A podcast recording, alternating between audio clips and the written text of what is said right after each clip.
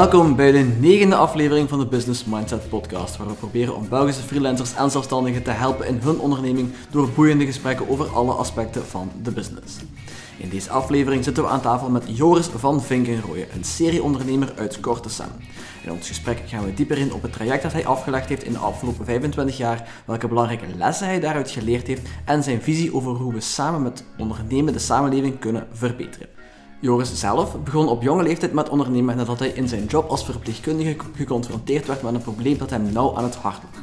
Ondanks initiële tegenstand slaagde hij er toch in om zijn bedrijf te laten groeien, maar dit hield hem niet tegen om verschillende nieuwe uitdagingen aan te gaan.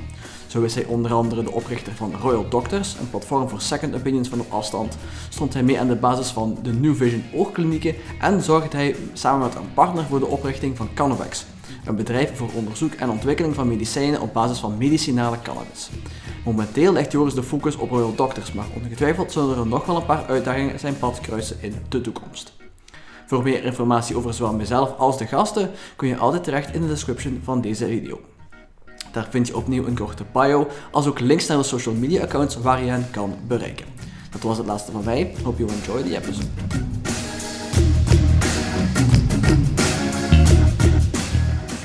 Misschien eens beginnen bij het begin, bij, bij, bij de motorschool. Dat is ik heb het verhaal met ons ooit gedaan, halverlinks. En, en ja, ik, ik heb uiteraard met uw broer uh, les gevolgd, dus ik weet ongeveer hoe dat gegaan is. Maar dat was toen je als verpleger bezig was en daar bepaalde dingen merkte, als ik het goed begrepen heb. Klopt dat? Ja, um, ik heb verpleegkunde gestudeerd in, uh, in Leuven. En dan uh, eind jaren negentig kon je je specialiseren voor spoedgevallen en intensieve zorg. En ik, had, ik heb dat specialisatiejaar gedaan waardoor ik heel snel uh, op mijn 20ste, 21ste kon beginnen werken op de spoedgevallendienst in uh, Hasselt. En wat je daar zag, begin jaren 2000, was dat er enorm veel ongelukken gebeurden met motorrijders. En dat interesseerde mij hard, want ik was zelf ook motorrijder. En je zag dat dat heel veel mensen waren die eigenlijk hun rijbewijs gekregen hadden in die tijd. Dus mensen die een motor kochten, zonder daar scholing voor gehad te hebben en uh, daarmee begonnen rijden. Ja, en stuk voor stuk eigenlijk uh, risico's namen die ze, ja, allee, die, toen verongelukten er echt nog wel heel veel mensen met een motto. Heden ten dagen kun je niet meer met een motto rijden als gast van 25 jaar zonder naar de rijschool te gaan. Maar toen ging dat, was er een bepaalde categorie van mensen, die, een grote groep, ja. die dat wel nog kon. En ik zag dat en ik vond dat eigenlijk een groot probleem. Want je kunt wel verpleegkunde studeren en uh, die mensen met de mug gaan, gaan oprapen en naar het ziekenhuis brengen. Om het cru te zeggen hoor, maar ik wilde daar, ik wilde daar, uh, ik wilde daar iets, iets mee doen. En dan uh, zijn mijn papa en ik cursus rijinstructeur gaan volgen in uh, Sint-Niklaas. En zijn wij, zijn wij begonnen met mottoles te geven voor mensen die eigenlijk met de motto mochten rijden. Dus helemaal geen concurrentie van de rijschool met de motto mochten rijden.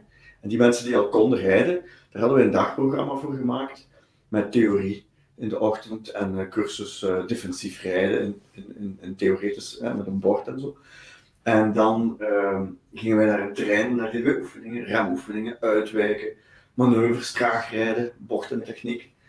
En dan, en dan rond een uur of één gingen we met die mensen eten smiddags.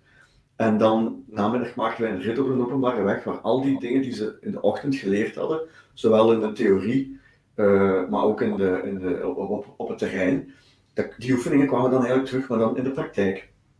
En dat werd dan s'avonds afgesloten met een grondige evaluatie. Waar moet je nou gaan werken, waar moet je op letten?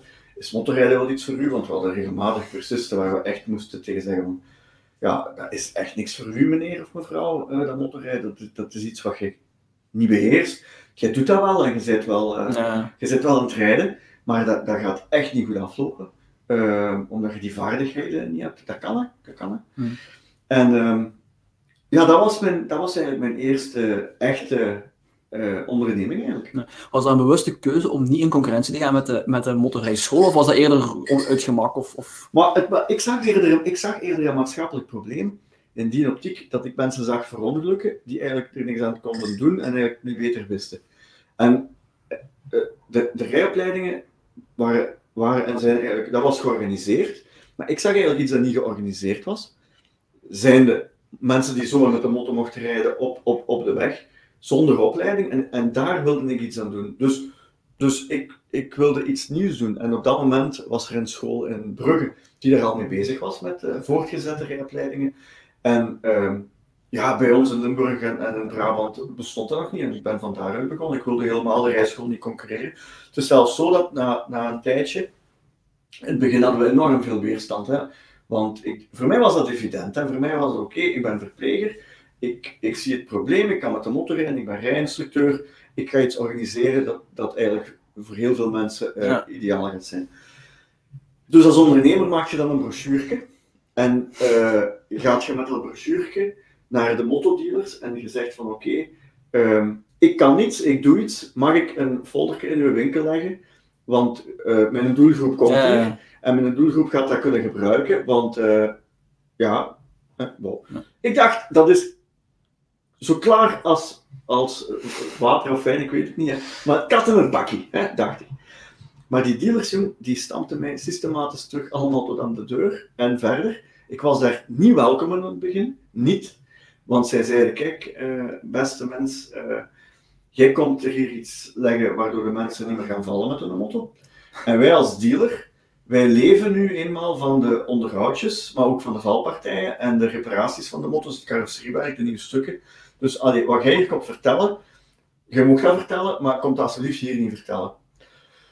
En dan zijn we dat beginnen vertellen tegen verzekeringsmaatschappijen. En die vonden dat wel interessant. Ja. En dan zijn we dat beginnen, uh, hebben we toch, toch zo, en dat is allemaal heel snel gegaan, want ik denk, het loopt een beetje doorheen, maar ik denk dat, dat ik al heel vroeg uh, uh, goede, goede relaties had met een aantal dealers bij BMW. Um, bij BMW was een dealer Jan, en dat was ook een verpleger, maar die werkte bij de BMW-garage in Hasselt, die had dat begrepen. En die zegt, Joris, ik ga u dat, ik ga u dat verkopen. Zeg. De mensen komen hier, mensen met een BMW, uh, zijn al wat ouder, dat is mijn publiek, ik, ga, ik sta daarachter. En, en dat zijn eigenlijk de eerste ambassadeurs geweest van, van die uh, motorrijschool, Centrum voor Motorbeheersing. En dan kwam BMW zelf en die zeiden, ah, dat is interessant wat je doet, kun je dat ook niet voor andere dealers, want we zien dat dat aan Hasselt goed marcheert. En zo is de bal een beetje aan het rollen gegaan dat uh, BMW eigenlijk het eerste merk was dat uh, zag dat die cursussen die wij gaven een meer, meerwaarde was voor hun cliënteel. Daar gaat alles over bij ondernemen, uh, meerwaarde zijn. Ja, ja. En op die manier verdeelde BMW eigenlijk ons cursussen. Waar wij in plaats van 200 euro korting op een nieuwe BMW, kregen ze plots een cursus cadeau bij ons.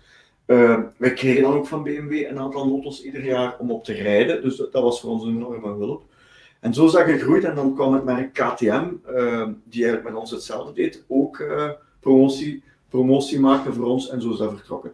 En dan, ja, een paar jaar later, uh, roept iedere dealer u bijna om foldertjes te komen leggen in zijn winkel, want ja, de mond aan mond doet zijn werk. Mm -hmm. En een dealer wil daar meer over weten en dan, en dan hielden wij cursussen voor dealers. Want uh, in begin jaren 2000 was een dealer heel arrogant en zei, u kan alles en ik kan zeker goed rijden. En, wie zit je om iets te leren? Maar heel snel hadden wij ook uh, instructeurs van de politie die bij ons kwamen lesgeven en van de Rijkswacht. En uh, mochten we ook opleiding geven aan de lokale politie en mochten we opleiding geven aan de rijinstructeurs in België. Dat was allemaal heel leuk. En uh, ik denk dat wij, ja, ik, kan het niet meer tellen, maar op ons hoogtepunt een 15, 16 tal instructeurs hadden. En we gaven les in Tongeren, in Nijvel, in Kortrijk, in Antwerpen, ja, over heel het land gaven wij les. En uh, voilà. En dan heeft mijn broer vanaf 2006 dat bedrijf van mij gekregen, want ik vond de tijd absoluut tijd om, om iets. Allee, ik deed al van alles anders, maar ik had wat veel uh, dingen te doen.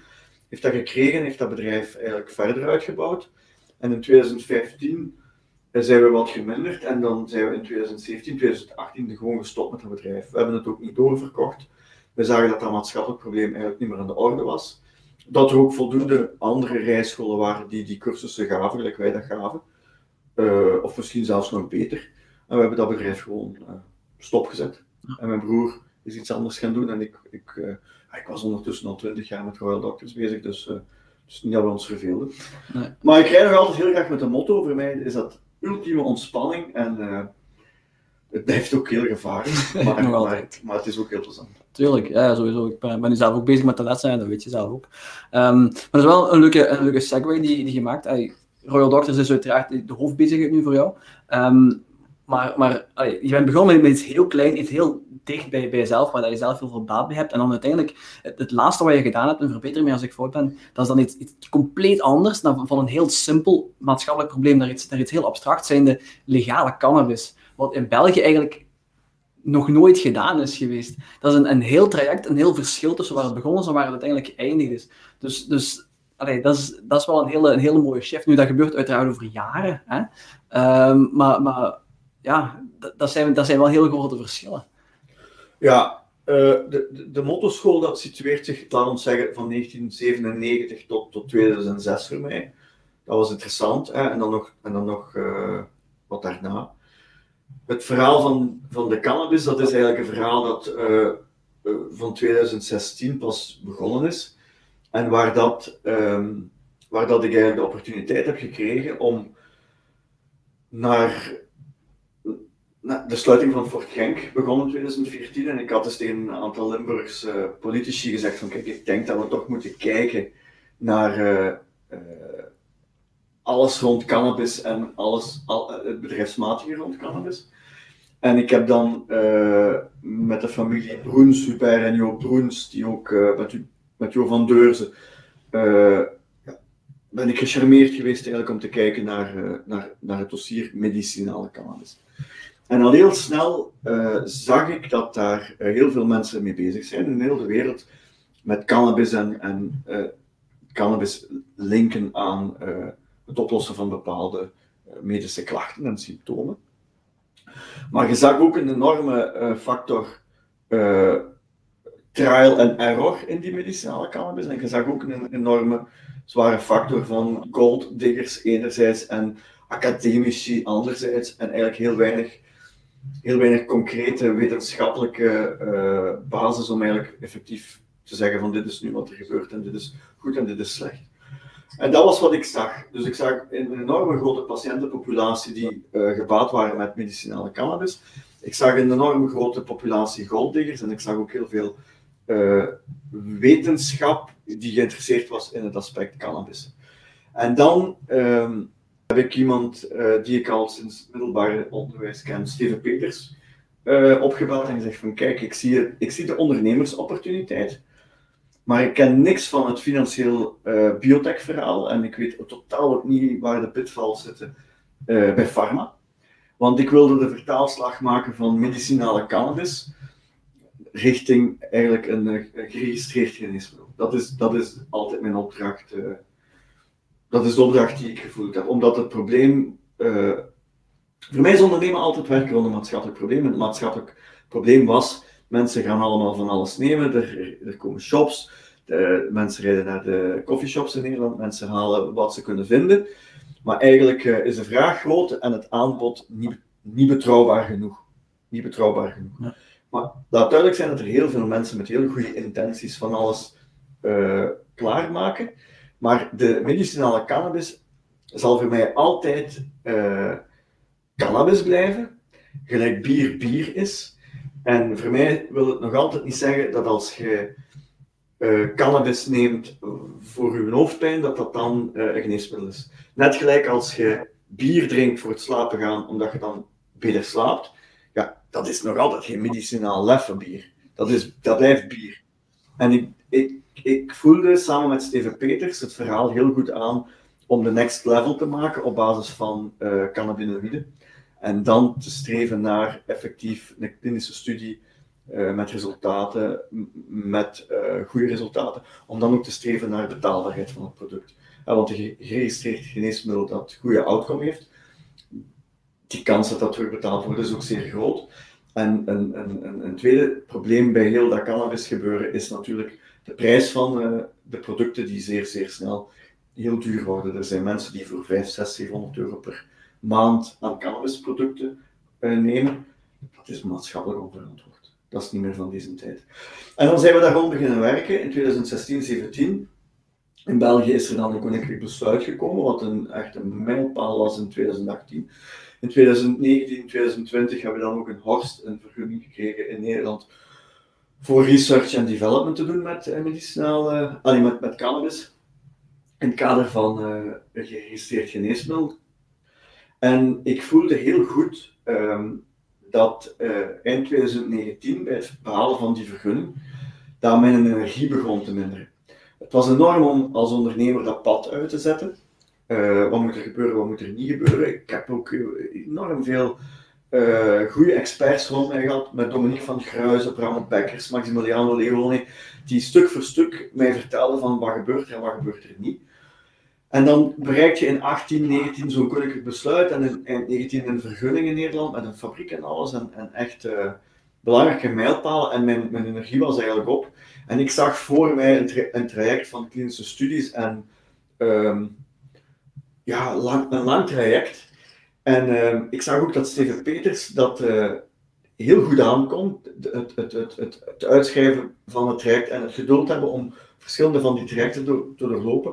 Maar voor mij was dat uh, te, weinig, te weinig actie. Te weinig betrokkenheid eigenlijk. Ja, te weinig betrokkenheid, te weinig actie. En dit is ook in de pharma of in de biotech willen, willen bewegen uh, dat moet politiek correct zijn. Uh, je kunt niet zomaar iets zeggen of iets doen of iets beslissen. Dat moet juist zijn. Pharma is een hele gereguleerde wereld met voor- en nadelen. En ik voelde dat die biotech-wereld, die pharma-wereld, dat was mijn wereld niet. Ik ben, ik ben uh, te veel een doener. Uh, ik kan ook goed denken, maar, maar echt strategisch wachten en. Allee, dat, was, dat, dat, dat, ging me niet goed af. En dan komt het bewustzijn dat, dat je 3, 44 jaar bent. En dat je eigenlijk al van 1999 bezig bent met een project dat je eerst tijdens je studies aan de kant hebt moeten zetten. Dan uh, gaat je werken en moet je project een beetje wachten. Dan heb je motorrijschool en moet je project een beetje wachten. Dan uh, komt er een, een, een, een, project van Canovex en Rendocan, moet een beetje wachten. En ik had het gevoel dat ik al 20 jaar Royal Doctors had, maar nooit van dat bedrijf had kunnen uh, maken wat dat ik daarvan wilde maken. Dan heb ik de beslissing genomen om eigenlijk al mijn activiteiten uh, stop te zetten en 100% te focussen op Royal Doctors. En ja, dat is, dat is eigenlijk sinds maart 2020. Ik denk, ik denk 13 maart, op de dag dat we in lockdown gingen, was ook mijn eerste echte dag ooit dat ik en uh, 100% voor Royal Doctors kon gaan. Dat was een, dat was een, enerzijds was dat een zaligheid en anderzijds was dat, was dat een merk, hè, want je wordt uh, Enfin, ik zal er straks wat meer over vertellen, maar je ziet plots een bedrijf dat je al twintig jaar hebt en denkt van, waarom doen we dat nog niet en waarom doen we dat nog niet? En waarom doen we dat zo? En hè, terwijl dat de, de, mensen bij Royal Doctors mij soms uh, drie, vier maanden niet gezien hadden. Mijn ja. mensen in Nederland, die hebben mij soms een jaar niet gezien. En, en dat liep. En nu plots bel ik iedere week van, en wat gaan we doen? En. Ja. Dat is de versplitterde focus uiteindelijk, hè? Ja, ja absoluut. Dus uh, op een gegeven moment, zo 2017, 2018 ging eigenlijk, ging eigenlijk 100% van mijn aandacht naar de cannabis. Enerzijds, maar ging ook 50% nog van mijn aandacht, maar de aandacht was al op, ja. naar oogklinieken die we aan het optuigen waren, New Vision. Uh, een eerste oogkliniek geopend in Zolder, een tweede oogkliniek geopend in Laagdal. En ondertussen nog wel dokters en ondertussen nog de, de uitbol van de motoschool. En dan nog wat kinderen en een en, en, en, en veel te veel hobby's. Dus ja, eigenlijk, eigenlijk, eigenlijk is dat niet te begrijpen hoe, dat, hoe dat je zoiets kunt doen. als je kijkt naar mensen die zo in 15, 20 graden van bestuur zitten, ik had mij vroeger altijd afgevraagd, het is niet te begrijpen hoe dat je uh, zoiets kunt doen. Maar, wat ik nu heb geleerd, is als je zo in 3, 4, 5 graden van bestuur zit, van je eigen bedrijven of van vreemde bedrijven, je leert eigenlijk de dynamieken herkennen. Hoe gaat je om met een bank? Hoe gaat je om met investeerders? Hoe gaat je om met tegenslag? Hoe gaat je om met patenten? In ieder bedrijf heb je wel dezelfde hoofdstukken. Daarom zijn de hoofdstukken niet altijd in dezelfde volgorde of even belangrijk. Maar door drie, vier, vijf zaken tegelijk te doen, weliswaar altijd met goede mensen, en het zijn, geen vijf eenmanszaken, hè, uh, tegelijk te doen, leert je wel van in het ene bedrijf zaken uh, die je kunt toepassen in het andere bedrijf. En dat is heel interessant. Want je leert bijvoorbeeld over uh, intellectual property enorm veel in een biotechbedrijf. En je hebt je nooit de vraag gesteld, kan ik met intellectual property ook iets doen in een bedrijf dat second opinions doet bijvoorbeeld. Of je leert in een oogkliniek heel veel rond hoe ga ik om met dokters, wat je eigenlijk ook kunt gebruiken. Uh, in het cannabisbedrijf, waar dat we nu ook met key opinion leaders werken, die advies, advies geven over wat is wat is een goede studie, wat is een slechte studie en welke richting gaat je op. Dus ja, die kruisbestuiving, die was er wel als je tussen eigen bedrijven zit. Ik neem ook mijn eigen bedrijven, um, ik moet oppassen wat ik zeg, hè, maar ik weet dat ik het juist ga formuleren. Maar ik vind mijn, mijn, mijn, mijn bedrijven um, die ik gecreëerd heb, en ik denk dat de mottoschool is van nul gecreëerd, en Royal Doctors en, en de cannabis zijn ook quasi van nul gecreëerd, dat zijn niet mijn kindjes. Dus ik ben daar niet zo, ik ben daar niet mee verbonden alsof dat mijn kind is. Dus ik kan daar ook van op een afstand bekijken en ik kan dat objectief blijven beoordelen. En ik kan daar ook uh, pijnlijke beslissingen nemen als die moeten genomen worden. Um, ik denk als je een bedrijf creëert en het gevoel hebt van dat is het enige en het beste en ik zal het nooit meer kunnen en ik moet hier houden wat ik kan houden, ja, dan kijk je anders naar je bedrijf. Dan wordt dat ook wat meer gespannen en wat, wat pijnlijker en wat krampachtiger. En dan is dat zo gelijk zand proberen vast te houden. Je nijpt daar te hard op en het gaat je uit je handen en je kunt dat niet houden. Zeker in tijden van crisis, niet evident. Maar uh, ik heb die tijd gehad van zo drie, vier, vijf, zes uh, zaken tegelijk in de gaten moeten houden en sturen. Maar het is ook meer dan in de gaten houden en sturen. Je kunt als je duizenden cursisten per jaar motoles geeft, bijna niet meer zelf op je auto zitten om ook nog les te geven, tenzij het echt niet anders kan.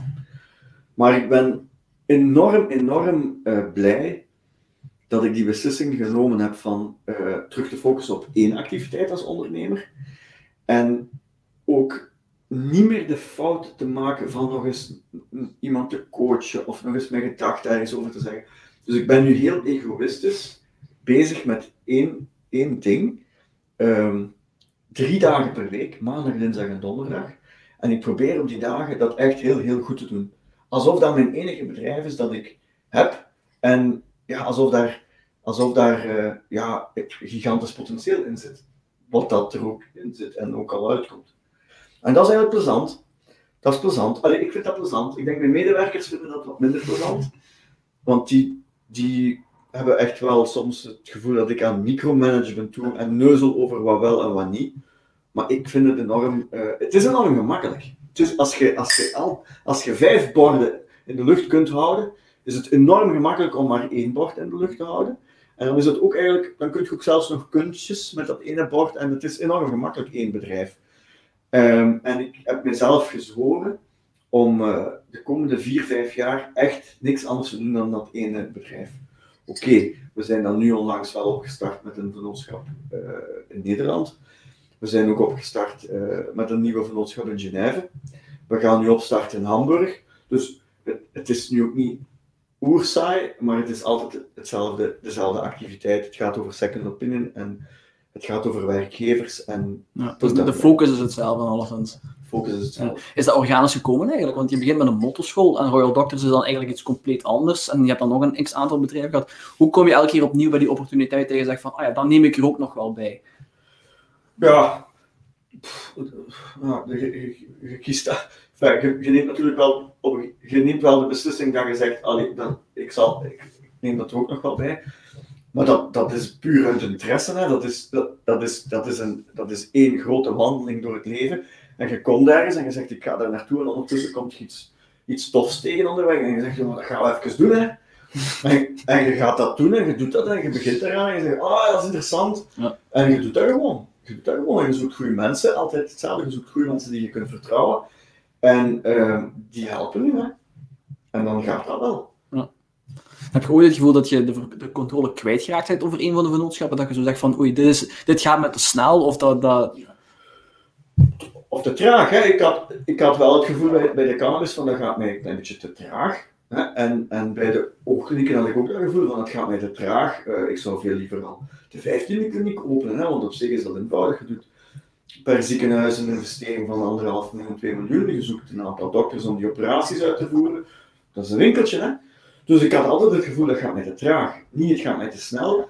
Controleverlies. Nee, nee, nee, nee. Ik heb ene keer, heel lang geleden, um, um, heel veel kritiek gekregen op Royal Doctors van huisartsen en van vakbonden uit de medische sector, die eigenlijk helemaal niet goed wisten wat ik aan het doen was. En ik had toen eh, een project rond preventieve geneeskunde, preventieve onderzoeken. En daar was zodanig veel commentaar op, dat ik dacht van, alleen nu, alleen dat is toch goed preventieve onderzoeken. Je gaat mensen die gezond zijn, preventief onderzoeken, om eigenlijk net gelijk een auto die naar de garage gaat zonder dat hij kapot is. Dat is toch goed? Ja, uh, uh, in een land waar dat 99% van het gezondheidsbudget naar uh, kapotte auto's mag gaan en niet naar auto's rijdende houden, was dat op dat moment echt niet goed. mensen apprecieerden niet wat ik deed. En toen, toen ben ik wel even geschrokken geweest van de reacties over mijn bedrijf. En, en, en um, ja, tot 2014 schrok ik nogal eens van reacties over mijn bedrijf, maar ik heb geleerd uh, wat dat ook doet. Er is altijd reactie, er is altijd goede reactie, er, is ook altijd, er zijn ook altijd mensen die commentaar hebben. Maar dat is ook maar goed. Hè? De dag dat ik iets doe uh, en er geen reactie op komt, ja, dan zou ik, dan, dan zou ik stress beginnen krijgen en denk van, oeh, ja, hm, hm, dat is niet juist. Dat is niet logisch alles. Maar, maar het gevoel dat ik het niet meer kon managen, nee, nee, ja, eerlijk gezegd niet. Eerlijk gezegd. En ik heb ook nooit het gevoel dat, dat ik niet de juiste mensen vond, wat, wat, wat, wat dat nog erger is dan het niet kunnen managen. Als je het niet kunt managen en je zoekt dan mensen en je vindt die niet, dat is problematisch. Ja. Maar in, in de Royal Doctors heb ik met Tim Witvrouw en Mark Brorens uh, echt hele goede uh, twee rechterhanden. En zeer, zeer goede secretaresse, dus dat, dat, dat, dat helpt. ik heb het gevoel dat ik dat wel onder controle Ik heb ook het gevoel dat ik meer aan kan, maar ik wil daar focussen in het bedrijf en laat dat maar, dat, dat dan maar boven mijn hoofd groeien en dan, uh, dan zien we wel. Ja. Ik heb nog een heel traject af te leggen, veronderstel ik, met Royal Dockers. Uh, internationaal gaat er nog een heel stuk, uh, is er nog heel veel potentieel alleszins. Ja. Dus uh, allee, ik denk ook nog dat, dat er nog heel wat groeimarge is op dat gebied ook nog. Gigantisch. Ik, ik heb het gevoel dat we, nog, dat, we, dat we nog moeten beginnen. Ik, zeg zelfs niet, ik heb het gevoel dat we nog maar pas begonnen zijn. Ik heb zelfs het gevoel dat we nog moeten beginnen. We hebben een heel traject gedaan met Afrikaanse klanten. En, en we hebben ook begin jaren 2000 heel veel Russen. Dus die exotische, exotische avonturen heb ik allemaal al beleefd. Maar uh, op dit moment zijn we enorm gefocust op de Centraal-Europese markt en daar is nog gigantisch veel te doen. En ook met corona, uh, als wij vroeger uh, zeiden van wij doen een second opinion zonder dat je naar een dokter moet, ja, dat was altijd van en gaat dat wel, dan moet je die dokter niet zien en moet er geen fysiek contact zijn. En, en dan zeiden we nee, nee, het is veel beter dat die dokter je dossier kan analyseren en daar rustig over na kan en die vragen kan beantwoorden en schriftelijk, dan kun je dan nalezen en bespreken met je eigen dokter. Maar sinds corona, jong, daar wil je een hond nog zijn, zijn, zijn kont uit om naar een dokter te gaan. Dus dat is bij ons helemaal, nu hebben we echt de wind in de zeilen. Uh, met, met het systeem dat we al 20 jaar doen, dat is nu ja, aanvaard door iedereen. Iedereen, iedereen ja. snapt dat nu zonder meer. Maar daar zit nog wel goed potentieel op. Ja. Maar ik vind Jan, dat we eigenlijk niet zozeer over mijn eigen bedrijf moeten hebben, maar ik vind het op zich wel, ja, dat is wel tof om over te praten. En dank u om mij daarover het podium te geven. Maar laten we het een keer hebben over ondernemerschap in het algemeen en work-life en uh, alles wat erbij komt en of niet moet bijkomen. Ja, dat was eigenlijk mijn, mijn volgende vraag. Want allee, uiteraard, als je veel bedrijven hebt, hè, dan, dan moet je er ook gelaagd aan geven. En ik veronderstel dat dan de tijd moet ergens vandaan komen. Hè. Dus, dus allee, ik veronderstel dat, dat dat op een gegeven moment ook heel wat keuzes veroorzaakt heeft en dat je dat, je dat ook wel frustraties veroorzaakt heeft bij bepaalde mensen. Ik heb eigenlijk veel tijd. Jij maakt veel tijd. En dat vind ik altijd heel, heel, heel indrukwekkend. En nu, dat vind ik, moet ik heel eerlijk toegeven. Je hebt heel veel hobby's, heel veel leuke hobby's. En je, je, je reserveert echt de tijd voor de hobby's ook. Dat, uh, dat is iets wat ik, wat ik voor mezelf merk, dat ik daar zelf ook nog wel in kan verbeteren. Dat die tijd te reserveren en dan 100% te concentreren op de andere, de, de, de werktaken eigenlijk, als die, als, die, als die tijd er is. Dat is, uh, dat is wel iets wat ik bij jou heel veel merk. Ja, maar je vindt natuurlijk, als ik met mijn fiets rijd, je vindt dat een hobby. Dat bepaalt je voor jezelf, ja, mee. en ik, ik deel mijn tijd eigenlijk zo in. Ik fiets veel, soms, dat is wat momenten. Soms fiets ik twee, drie, vier keer per dag, uh, per week. En soms fiets ik een paar weken niet of een, een maand niet. Maar ik probeer uh, een goede balans te vinden tussen bewegen en niet bewegen. En um, ik, probeer, um, ik probeer voldoende te slapen. Dus ik probeer echt om, om 8 uur s'avonds te stoppen naar werken. Um, en voldoende te slapen en voldoende te rusten. En ook genoeg te bewegen. Wat niet wil zeggen dat ik nooit moe ben, want ik ben dikwijls moe. Maar als je beweegt, dan, dan heb je veel meer energie. En als je veel energie hebt, kun je veel meer doen op een beperkte tijd. En als je beweegt, gelijk ik ga altijd alleen fietsen, dan, dan kun je eigenlijk alles wat je doet, privé, maar ook van het werk, kun je ordenen. En als je dus eigenlijk met een hele ongeordende uh, situatie vertrekt, kan het heel goed zijn dat je na drie uur of vier uur van je fiets afstapt en helemaal weet hoe je dat morgen gaat organiseren. En effectief alles geordend is. En dan gaat dat van, oké, okay, daar vraag ik dan een dier. Dat gaan we niet doen, want dat is eigenlijk tijdverlies. Dit, daar gaan we afhandelen, korte pijn, maar is eigenlijk niet nuttig. Maar, dus we gaan zorgen dat we van dat probleem af zijn. En dat je dan eigenlijk overhoudt wat, dat je, wat dat je wel moet doen. Dus, dus die hobby's, dat, dat is eigenlijk ook voor een stuk ordenen en, en, en nadenken en placeren. En uh, dat heeft ook zijn nut. Ik denk, als je de hele dag werkt, werkt, werkt, van maandagsmorgens tot zondagsmiddags, en ik ken heel veel mensen die zo werken, ja, dat komt niet goed. Hè. Dat, dat, is, dat is gelijk een ruiter die de hele dag op zijn paard zit. En. Die, moet ook eens, die moet ook eens kunnen naar zijn stal kijken, naar zijn manege en ook eens ergens anders naartoe kunnen gaan. En ik probeer die balans te vinden. En maandag is echt een, een hele leuke dag, want dan ben ik fit van het weekend. Kan ik hard werken, dinsdag ook. Woensdag probeer ik rustig aan te doen en zo wat administratie te doen en zo de dingen die zo zijn blijven liggen, maar eigenlijk zonder veel druk. Donderdag weer hard werken en vrijdag werk ik nooit. Je mocht er mij... Uh, ik heb geen drie dagen, geen drie dagen op, op die laatste twintig jaar op een vrijdag uh, gewerkt. Ja, ik wil dat zo houden. En dat is mijn dag. En dan kan ik eigenlijk doen wat ik graag doe. Uh, motorrijden, fietsen, een beetje met uh, wandelen, dingen doen, in mijn bomen zitten, lezen. En dan, dat is mijn, dat is mijn vrije dag. En uh, als ik vrijdagavond de kinderen ga halen aan school, dan begint het weekend. En ja, het weekend is gelijk overal het weekend is als je drie kinderen hebt, die moet naar de bijles, die moet naar paard rijden, die moet nog iets in de winkel gaan halen. Hè. Ja, die, die zaterdag is, is echt niet mijn dag en die zondag, ja, dat is een zondag. dus ik, ik, ik, ik heb echt uh, die vrijdag voor mijn eigen genomen. En ja, doordat, doordat mijn, en misschien ben ik wel wat autistisch, maar doordat mijn week zo ingevuld is van maandag, dinsdag, donderdag wordt er gewerkt, ja, dan zorg je wel dat je werk klaar is. Hè. En als het niet klaar is, weet je dat het er maandag opnieuw ligt, dus je, je doet een beetje door. Dus je delegeer, ik delegeer ook veel en uh, ik laat mijn mensen op woensdag en op vrijdag ook gerust, want ik, ik ben er niet. Dus ik geef hen ook de autonomie. Ja. En ik zeg op alles nee. Hè. Als je mij vraagt, gaan we morgen naar de cinema? Het zal nu moeilijk zijn om naar de cinema te gaan, maar ik zeg eigenlijk op alles nee. Uh, mensen vragen mij ook bijna niks. Uh, zo, ik heb heel weinig vrienden. Ik heb uh, een, heel, een heel tof schoonbroer en ik heb een heel leuk broer en ik heb misschien nog vier, vijf vrienden. En daar, daar, dat is fijn, maar ik heb echt geen grote vriendenkring uh, die ieder weekend uh, van alles opeist. We hebben, om, om idee te geven, ook geen agenda thuis. Het weekend is altijd open en wat, als er iets gepland staat, dan zijn we zo blij om dat te doen dat we dat niet moeten opschrijven, want dat onthouden we. Dus we hebben heel weinig verplichtingen en dat ja, dat maakt het leven wel, wel rustiger eigenlijk. Dan. Is het iets wat je gaandeweg hebt moeten ontdekken? Of is dit iets wat je van, van het begin hebt gezegd van kijk, dat, zo ga ik het doen, dat is mijn, mijn vrije tijd, mijn, mijn ontspanning, mijn dit, mijn dat? Of is dat iets wat je tegengekomen bent tijdens, tijdens je traject over de afgelopen twintig jaar? Want dat is iets wat je moet leren, veronderstel ik. Ik kom eigenlijk uit een gezin die, die uh, helemaal op hun eigen leven. Dus mijn ouders op dit moment, en, en wij vroeger werden eigenlijk bijna geen vrienden. Uh, dus wij, waren op onszelf. En, en, en, en ik durf zeggen dat ik nu wat meer vrienden heb en ook wat socialer ben dan, dan, dan vroeger. En ik vind het goed zo. Voor mij hoeft het echt niet meer. Uh, weet je, het is fijn om, om naar festivals te gaan en zo, maar ik ben nog, ik ben nog nooit naar een festival geweest. Ja, het is allemaal tijd en het is allemaal plezant. Weet wel, maar je kunt, je kunt toch niet alles doen. Dus ik, ik, ik, heb, ja, ik heb mijn indeling van mijn week en ik, ik heb dat motorrijden is nu, is nu een hobby. Hè. Vroeger was dat mijn werk, is nu een hobby. Dat ik heel graag doe en daar kruipt, daar kruipt ja, fijne tijd in. En ik vlieg graag met uh, paramotor en paragliding, daar kruipt ook veel tijd in. En als er dan wat tijd over is, dan is het nog wat fietsen en lezen. Ja, ik vind dat meer is genoeg. En, en, en de vrienden van het vliegen zijn heel leuke vrienden.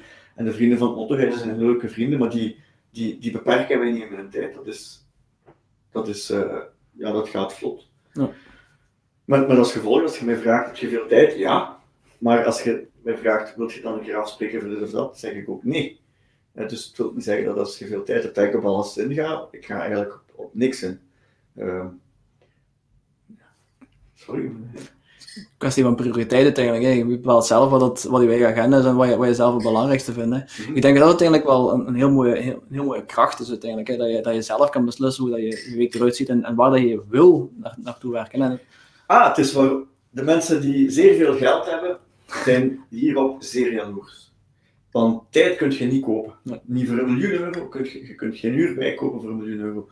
En heel veel mensen zijn slaaf van hun agenda. Als ik kijk naar... Uh, hardwerkende mensen rond mij, ja, die leven uh, met hun smartphone en met hun agenda. En ja, ik heb dat niet. Leuk. Ja. Het geeft ook de tijd om te concentreren op het werk. Als het gedaan moet worden, dan veronderstel ik. Hè? Dus, dus dat, uh, dat je echt die concentratie en die focus kan leggen op hetgeen, uh, op hetgeen wat, je, wat je wil doen. Mm -hmm. ja. Je hebt ook, uh, ook, ook, heel veel ondernemers begeleid op bepaalde momenten. Uh, ook met, met de LRM heel veel bezig geweest en zo. Zijn er ook lessen die je dan meegeeft aan die mensen? Of, of is, dat, is dat eerder dan volledige concentratie op de, de zaak die je dan... LRM begeleiden... Bij LRM werd ik af en toe gevraagd, als het ging over bepaalde investeringen in de healthcare, of ik daarover mijn gedacht kon uh, geven. En dat was eigenlijk de mensen die begeleiden, maar dat was eigenlijk LRM vooral in het kader van uh, de klimopleiding, dat waren kleine leerlingen, af en toe zoals mij gedacht zijn. Dat was leuk, maar dat was eigenlijk niet de ondernemer begeleiden. Uh, de ondernemers die ik begeleid heb, uh, je moet daar nu ook niet te veel bij voorstellen. Dat waren meestal ondernemers die al bezig waren en die ergens vast kwamen te zitten. En dan aan mij vroegen van, ja, jij hebt dat probleem ook gehad en hoe gaat je daar nu om? En dat is bijzonder interessant als je dan die mensen kunt helpen. Ik moet hen niet begeleiden, maar kunt helpen. En de problemen, dat zijn altijd dezelfde problemen. Dat, dat is, meestal vinden ze geen geld, of uh, komt het niet genoeg binnen, of gaat het te snel buiten, of is er te weinig uh, doordacht uh, berekend hoeveel je gaat nodig hebben alvorens je break-even bent. dat heb ik nog altijd. Dat heeft denk ik ieder bedrijf nog altijd op de agenda staan, cashflow-planning. En dat zijn eenvoudige, eenvoudige dingen waar je mensen mee kunt helpen en suggesties geven van doe dat wel en doe dat niet. Ehm, wat, wat wel geapprecieerd wordt. Dus ik heb nooit mensen in die echt iedere week gevolgd werden. Dat, dat, dat, uh, dat, dat, is niet mijn, dat is niet mijn taak. Maar als mensen vastzitten en zeggen van ik heb dat en ik wil met u praten en uw gedachten, ja, daar ben ik altijd toe bereid om die mensen uh, eens even te zien en te horen en, en wat, wat, wat dingen mee te bespreken. Maar dat is niet echt coachen. Uh, ik, wil, ik, wil, ik heb er nog nooit 1 euro voor gevraagd, nu moet ik opletten wat ik zeg. Maar ik heb, ik, ik, ik heb er misschien twee keer op 20 jaar geld voor gevraagd. Maar ik vind dat ook mijn taak als ondernemer om andere ondernemers die in de problemen zitten of, of wat vraagstukken hebben, om dan te helpen om dat vraagstuk op te lossen. En als die dan zeggen, oké, ik kan verder, oké, dan is het goed. ik zeg dan ook niet, kom nog maar eens terug als je, nee, punt, klaar. Ze komen vanzelf wel. Of, Dus dat is wel leuk, ja. En um, er zijn een aantal bedrijven in de medische sector die, die ik heb kunnen begeleiden. Ehm, en die echt wel in de diepe shit zaten. En waar ik, en waar ik dan echt wel durf zeggen, die, die, daar hebben we, samen de energie gevonden om, uh, om, om door te doen. En eigenlijk ja, sommige bedrijven tot beursgang te brengen. Hè. Dat, dat, vind ik, dat vind ik dan tof. Hè? Ja. Als je in het begin uh, een tweemanszaak hebt en je ziet het niet zitten. En je kunt dan uh, zien dat die mensen doordoen en kapitaal vinden en groeien en overnames doen en overgenomen worden en dan een beursintroductie krijgen, dat is toch tof, jong. Als je wist dat ze vijf jaar geleden het allemaal niet meer zagen zitten met hun tweetjes. Leuk, hè? Uiteindelijk is de perspectief, je kijkt van een ander aspect, van een ander punt naar hetzelfde bedrijf, met de ervaring die je uiteraard al mee hebt, hè, de afgelopen zoveel jaar dat je dat, dat je al gedaan hebt, dan kan je, kan ik me voorstellen, ik heb het zelf uiteraard nog nooit gedaan, maar dat je dan gewoon, dat je iets ziet wat, wat, zij zelf voor die zien, en dan duwtje in de juiste richting kan geven. En ik denk dat dat, uh, denk dat dat heel, uh, heel waardevol kan zijn voor zo van die, uh, voor van die bedrijven. Um, is dat iets waar Royal Doctor zelf naartoe gaat, naar beursgang, of is dat eerder... Nee. Dat is absoluut niet mijn ambitie. Kijk, ik, ik, waarom doet je wat je doet? Ik vind dat plezant met Royal Doctors. Ik vind het fijn dat mensen een second opinion vragen bij ons en dat wij dan een second opinion kunnen organiseren voor die mensen. Dat is een heel leuke bezigheid. Dat is een enorm leuke bezigheid. Waarom zou ik naar de beurs gaan? Stel dat ik een gigantische groei wil doen die ik zelf niet kan financieren, dan, dan zou ik geld moeten zoeken. bij vreemd, vreemd kapitaal, bij de bank, ehm, een beursgang, dat zijn allemaal opties. Die opties ken ik goed, want ik heb uh, heel lang uh, met Steven Peters nu gewerkt, vier jaar, en dat is, dat is een, een brein als het gaat over hoe moet je financieren en hoe moet je niet financieren. Ik heb daar veel van geleerd. En ik denk, een beursgang, ja, dat, dat ligt niet in de lijn van mijn. Nee, nee, dat. Nee. nee. Met een internationale groei, die wil je dan toch wel doen? Absoluut, absoluut. Het concept is stabiel. Dat gaat in Duitsland even goed als in Frankrijk of in Nederland of in België. En laat dat maar, laat dat maar marcheren. Maar ook daar zal ik zorgen dat we met de winsten die we, die we kunnen boeken, uh, de investeringen kunnen doen die we moeten doen om een nieuw land, gelijk bijvoorbeeld Duitsland, op de kaart te brengen. En als dat op een gegeven moment weer goed gaat, dan kunnen we kijken naar een volgend land. Hm. Maar voor mij blijft het sociaal ondernemen. En, uh, in, en, en sociaal ondernemen, dat is niet veel geld verdienen en dan uh, een investering doen in een goed doel. Dat is in mijn optiek niet sociaal ondernemen. Of uh, veel geld verdienen met bijvoorbeeld tabak verkopen. En dan zeggen we gaan toch ook iets ontwikkelen dat niet zo schadelijk is. Dat is in mijn optiek niet sociaal ondernemen. Sociaal ondernemerschap zie ik meer als um, wat, is een, wat is een maatschappelijk probleem? Wat is het probleem in de maatschappij? Honger, dat is een groot probleem in de maatschappij, uh, in de wereld. Um, kinderarmoede, is een groot probleem. Uh, kinderarbeid, een groot probleem. Um, ik denk zelfs dat motorrijden, dat was een maatschappelijk probleem. Volwassen mensen die met de motor mogen rijden en zich stuk voor stuk doodrijden, dat is een probleem. En ik denk, met Royal Doctors kijken we naar een maatschappelijk probleem dat breed is. Zijn de mensen die een behandeling krijgen die ze niet nodig hebben, of die een behandeling zouden moeten krijgen, maar ze ze niet krijgen. Dus eigenlijk misdiagnose, overconsumptie in de zorg, onderconsumptie in de zorg. En we proberen dat probleem te reguleren. En dat is mijn taak. En mijn taak is niet om een bedrijf naar de beurs te brengen en mijn aandeelhouders tevreden te krijgen. Ik heb eigenlijk liever totaal geen aandeelhouders. Dan hoef ik ze ook niet tevreden te houden. Ik wil die patiënten uh, en die, die dokters die die patiënten begeleiden, dus de eigen artsen van de patiënten, daar wil ik een meerwaarde voor zijn. En, en mijn eigen dokters in het netwerk, ja, die bezorgen wij werk en die kunnen leuk werken met ons, die vinden dat ook fijn. Maar, ik, maar mijn ambitie, ik doe, ik doe niet Royal Doctors om ik doe dat niet voor een beursgang. Ik doe dat om goed van te kunnen leven. En dat is denk ik de reden waarom dat iedereen gaat werken, om te kunnen leven. Je moet ergens, je moet ergens je rekeningen van kunnen betalen. Dat is op de eerste plaats. En mijn gezin te kunnen onderhouden. En in de tweede plaats te kunnen groeien. Maar ik probeer te groeien met dingen die ik, met gelden die ik heb verdiend. En dan weer verder te, verder te groeien. Dat, daar hou ik van. En ik ben maar 44 jaar, dus ik kan nog 20, 30 jaar groeien. En, en het is ook niet als ik dood ben dat het stopt met groeien, want ik heb hele leuke kinderen en die willen ook allemaal van alles doen. En ik heb ook heel leuke mensen in mijn bedrijven werken, dus die, die kunnen de groei wel verder zetten. Maar ik ga niet groeien om te groeien. Dat is niet de ambitie. Ja. Heb je, heb je daar straks nu ook al gezegd, het maatschappelijke probleem, de maatschappelijke meerwaarde dat je, dat je probeert op te lossen. Heb je dat dan al gehad dat je zo van die. Van die je, hebt, je hebt je hebt bedrijven die gestart worden omwille van een probleem op te lossen, zoals je gedaan hebt met de motorschool, zoals je gedaan hebt met, met Royal Doctors. Je hebt andere bedrijven die opgestart worden omdat ze de opportuniteit zien. Dat mensen zien van, kijk, hiermee kan ik, kan ik, kan ik geld mee verdienen. Ehm, dat is dan eerder zoiets van, dat zou, zou jij dan eerder laten liggen dan, zo van die dingen, als die op je pad komen? Ja, als ik, dat hangt er vanaf. Gelijk Royal Doctors, daar was, daar was eigenlijk nog niemand mee bezig. Dat, dat, vind, ik, dat vind ik dan tof. Maar als, als je nu zegt van, kijk, um, het, voor, ik, ik, het voorbeeld van een dienstencheckbedrijf is een mooi voorbeeld. Ik denk, uh, tien jaar geleden was de poetsvrouw iets dat in de marginaliteit zat en ook in het zwart betaald werd mhm. En um, ja, niet goed behandeld werd. En die dienstencheckbedrijven, die eh, zijn deels door de, door de regelgeving in Vlaanderen, die zijn ontstaan. En die hebben eigenlijk dat, dat, dat probleem van die poetsvrouw en dat zwartwerk en zo, dat hebben die aangepakt. Dus aan zich was dat ook een maatschappelijk probleem, dat hebben die aangepakt. En ik denk dat je daar goed je kost mee kunt verdienen als je een dienstencheckbedrijf aan mhm. opgericht en overnames kunt doen.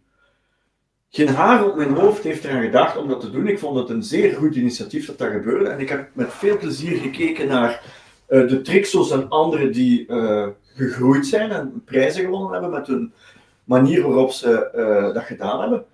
Maar ik denk van oké, daar zijn goede mensen mee bezig en die doen dat heel goed. Laat die dat maar doen. Hè. Allee, waarom zou ik daar nog gaan tussen, tussenlopen? Eén, ik denk dat ik het niet zo goed kan als zij.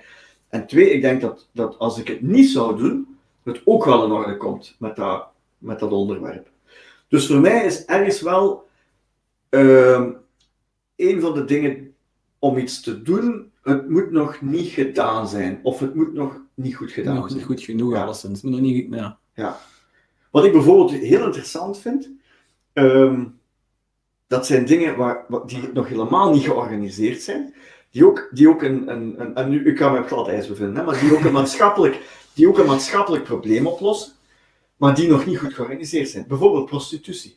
Nu, ja, ik weet niet of de mensen uw gezicht zien, maar het staat zo'n beetje. Goh, zeg ik, ik had mij beter een beetje geschminkt, hè, zeg, als ik het zo zie. Maar bon, neem nu prostitutie. Eh, dat is een tak, die, dat is een grote economie. En dat zit in mijn optiek ook nog in de illegaliteit en is nog niet georganiseerd. Is er een behoefte aan in de wereld? Ik denk het wel. Het oudste beroepen zeggen ze toch altijd. Dus als het, als het zo lang bestaat, dan denk ik niet dat we het, uh, dat we snel... Maar ik denk dat er nog een enorme professionalisering in kan plaatsvinden om eigenlijk dat beroep, beroep uh, de, de, de waarde te geven die het verdient. En, maar ook de, de, de, ja, de, de, de, allee, dat, in mijn optiek is dat, ik vind dat interessant. Ik vind het interessant om na te denken van, kijk, er zijn zeer veel mannen die uh, vreemd gaan bij een prostituee. Die doen dat off the record, die komen in illegale uh, sferen. En ik vind het interessant om daarover na te denken, over, ja, hoe, hoe zou nu zoiets, hoe zou nu zoiets kunnen kantelen naar, naar, naar een, een activiteit die aanvaardbaar is en op een fatsoenlijke manier kan gebeuren. En wat minder clandestien en wat minder stiekem. Ah, maar dan moet er ook heel wat regelgeving veranderen en dergelijke. Net zoals dat je bij, bij, bij de cannabis ook gedaan hebt. Hè. Dus bijvoorbeeld dat koninklijk besluit waar je daar straks zei, dat bestond totaal niet toen je ermee begon. Dat is ook een wetgeving die veranderd is door het lobbyen, door de ja. door dit en ja. dat. Dat is een, een, heel traject waar je dan opnieuw op gaat, gaat moeten onderwijzen. Ja, maar zoals je gezien hebt, geen onmogelijkheid. Hè? Nee, nee, uiteraard niet. Uiteraard niet. En dan vond ik, allez, ik moet heel eerlijk zeggen, dat vind ik een van de meest indrukwekkende dingen over wat ik weet van jou, is, is dat je... Um, allez, dat is, dat is een, een traject van lange adem. Hè? Dus dat is, dat is verbeter me als ik fout ben. Ik geloof dat, ik, dat je het mij ooit verteld hebt. begonnen als een grap van kom, we gaan, we gaan Beatboer spelen. Um, ja, een grap toen, toen iemand mij zei van LRM van um, ja, we moeten iets vinden in, in Limburg om die uh, 10.000 Ford-arbeiders te compenseren. Heb ik gezegd van ja, uh, met een beste, je zou beter eens gaan kijken in uh, Californië. Wat daar gebeurt met de cannabis. En dan zult je zien dat er duizenden mensen actief zijn ja. in die business. En, en en dat was eigenlijk, dat was eigenlijk de aanzet om mij een jaar later terug te bellen en te zeggen, Joris, uw project van de cannabis, dat helemaal geen project was, want ik had dat zo maar gewoon gezegd, omdat ik uh, gezien had. Zo, zo is dat maar gekomen. Ja. Maar ook, ook, het onderwijs, ook het onderwijs, ik vind nu met, uh, met dat afstandsonderwijs, dat marcheert wel allemaal. Ze maar, behelpen zich. Uh, ja, ze, be voilà, ze behelpen zich. De kinderen, zijn, de kinderen zijn bezig de hele dag, de leerkrachten zijn bezig, iedereen is bezig. Maar als je daar als ondernemer over nadenkt, zou je, en ik denk dat er al initiatieven zijn in die richting, maar zou je bijvoorbeeld kunnen zeggen van oké, we gaan zo'n opleidingsprogramma samenstellen.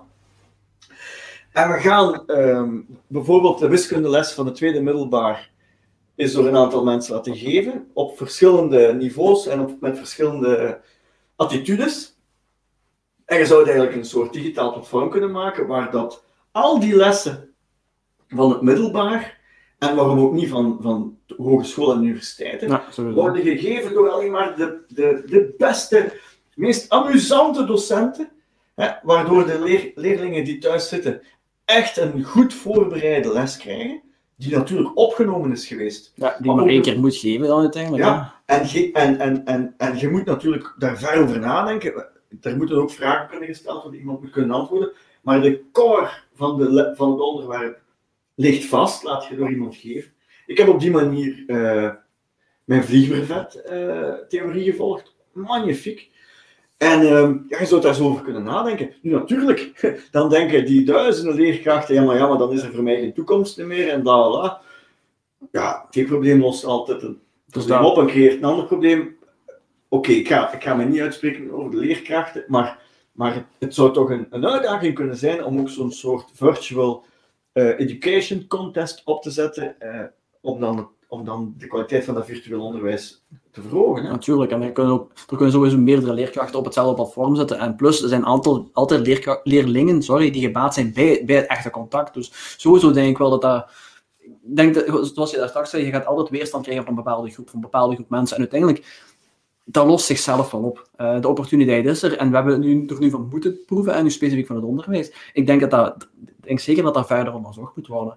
Ehm, ja, maar ook daar, eh, hetzelfde met, eh, met het cannabisverhaal, hetzelfde met het, eh het prostitutieverhaal, waar je zei, dat gaan heel veel mindshifts moeten, moeten, moeten veranderen bij mensen. En, en dat, is het, dat is een werk van lange adem en van, van heel goed netwerken. Want bij de juiste mensen moet je kunnen aankloppen, bij de juiste mensen moet je bijstand krijgen, overtuiging krijgen, ook in de politiek, hè? eh, om, om zo van die dingen klaar te krijgen. Ik denk wel dat dat eh, heel interessante trajecten kunnen zijn om, eh, om te, doen. Ja, maar je, je, je ziet nu toch dat je één ding leert van de politiek. Ehm, dat is dat, dat, is, dat is politiek. Ja, daar, daar, daar spelen zoveel factoren. En als je nu, als je nu kijkt naar verkeersveiligheid terug. Het is tegenwoordig perfect denkbaar dat je het ouderwets systeem van snelheidscontroles doen met mobiele flitswagens, die zich ergens opstellen achter een muurtje, om dan iedereen die te snel rijdt te fotograferen, die foto's te ontwikkelen en dan een brief te sturen, die, die dan moet betaald worden. Als je daarover nadenkt, dat is toch, dat is toch om te lachen, hè? die manier om mensen te beboeten. En dan heb je al een, versie 2.0, dat zijn palen waarin ze die fotosystemen steken en iedere keer als je daar voorbij komt en te snel rijdt, als er een filmvalken in steekt, krijg je een boete. Vier maanden later, Ja. vier weken later. Maar het is toch perfect denkbaar, net gelijk bij de vrachtwagens, dat je in je, in je auto een systeem hebt, gekoppeld aan je visakaart. Uw auto weet perfect hoe snel hij rijdt. En uw auto weet ook perfect op welke weg dat je zit. En uw auto weet dus echt wel dat als je op de 940 zit en 150 rijdt, dat je te rap rijdt. Het is toch perfect mogelijk, als je van verkeersveiligheid uw prioriteit maakt, dat je de auto's uitrust met een GPS, gekoppeld aan een visakaart, dat op de banen waar je zeker van bent, hier mocht je 90, maar je rijdt 120, dat je 50 euro afboekt van de rekening. Zelfs 5 euro is genoeg. Want iemand die heel de tijd overal te snel rijdt, die is iedere dag 200 euro lichter. En die zal na een tijdje wel denken van, ik moet daar toch maar eens mee stoppen. Want ik denk dat één bekeuring per jaar veel te weinig is om je gedrag aan te passen. En ik denk dat technologische eh, tools, gelijk bijvoorbeeld zo'n systeem, dat al op de vrachtwagens zit om taksterven, hè? dat dat perfect kan. Hè?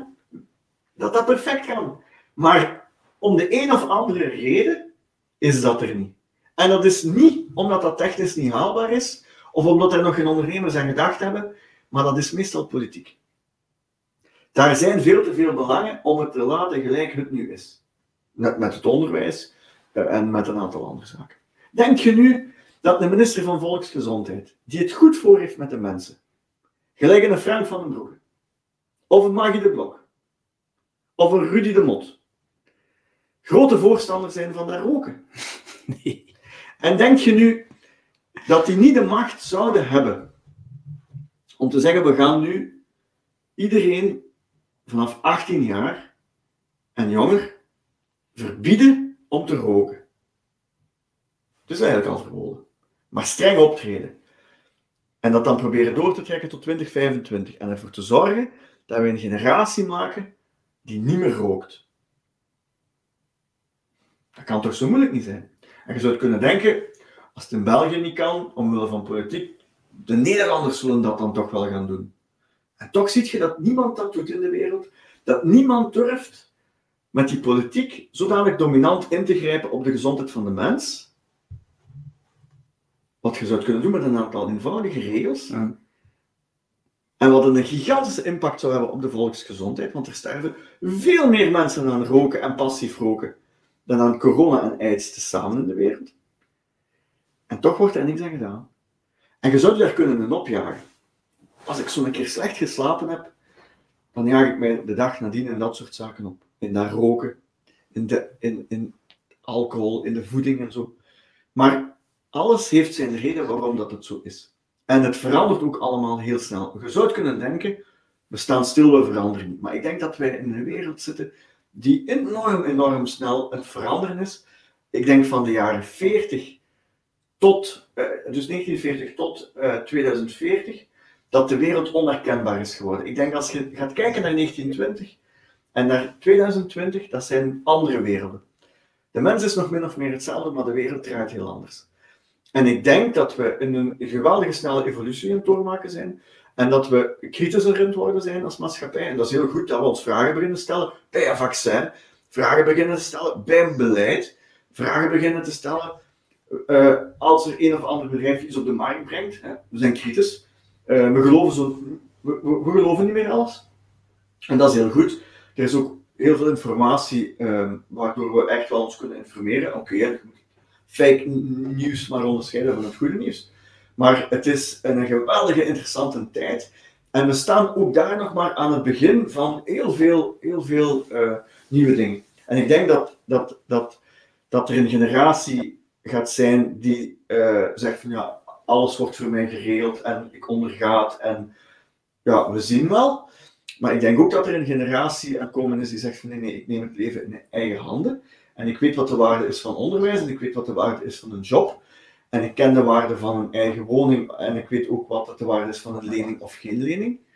Ehm, en, en voor zichzelf een aantal beslissingen gaat nemen en, en een heel ander leven gaat varen dan eigenlijk uh, de mensen die in de jaren 60 min of meer allemaal huisje, boompje, beestje, kindjes, een job voor het leven, een goed diploma.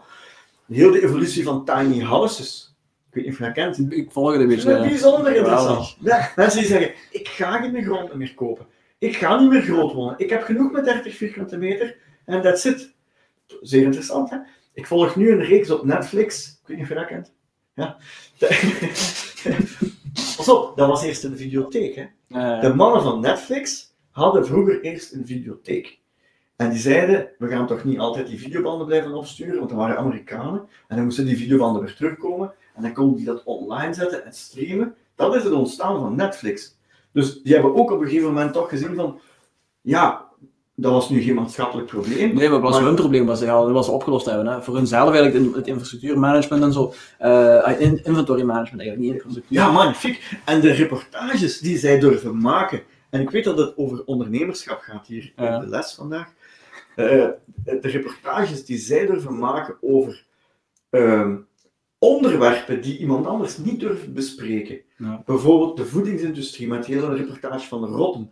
Uh, maar ook bijvoorbeeld de mensen die geen lening meer willen nemen en die zeggen van ik wil niet meer afhankelijk zijn van de bank en schulden en moeten gaan werken en samen met mijn vrouw moeten gaan werken en geen tijd hebben voor ons kinderen omdat wij ons groot huis en onze tweede wagen ook nog moeten afbetalen. Die die stress niet meer willen. Mm eh, daar maakt Netflix reportages over. Ik vind dat fantastisch. Zij breken normen. Hè. Zij, zij, zij gaan eigenlijk af van, van de, de, in dit geval nu de filmindustrie, maar dat ze eigenlijk mee breken en, en een ander traject voor jezelf zoeken. Dat vind ik inderdaad heel mooi. En, en uiteindelijk, daar, daar, gaan we veel meer moeten doen. In veel meer industrieën, zoals het onderwijs, uh, ook opnieuw alternatieven zoeken uh, bij, de, bij de gevestigde waren die we tot nu toe gekend hebben en die tot nu toe voor ons gewerkt hebben. En, en puur omdat we die dingen nu doen, omdat het, omdat het altijd zo geweest is, maar dat is daarom niet de beste manier moeten doen. En ik denk dat dat, eh, bedrijven zoals Netflix, die, die, die daarop verder gaan, die, die, die nieuwe weg durven inslaan, ik denk dat dat inderdaad een, een, heel, een heel verbreding gaat zijn voor, ons, voor onze levenskwaliteit. Gewoon omdat het anders kan, maar we, we willen niet zien dat het anders kan. Ik denk dat dat uh, heel belangrijk gaat zijn in de toekomst. Ja, en het werd ons ook opgelegd hoe het moest. Ja. Als bedrijfsleider moet je een auto hebben. Want ja, we hebben dat allemaal. En eigenlijk er moet ook nog een Duits embleem op staan. Hè? Maar eigenlijk feitelijk, je weet, ik rij altijd met mijn De Chevaux. Ja, al vaak zie pas om te zeggen, maar ik rij met mijn De Chevaux. Dat was mijn eerste auto. Het is nog altijd mijn eerste auto. die rijdt nog steeds. Je kunt zeggen, maar ga haalt daarmee de CO-norm niet. Ik vrees ervoor dat wat die auto uitstoot inderdaad niet zo goed is als een uh, moderne wagen.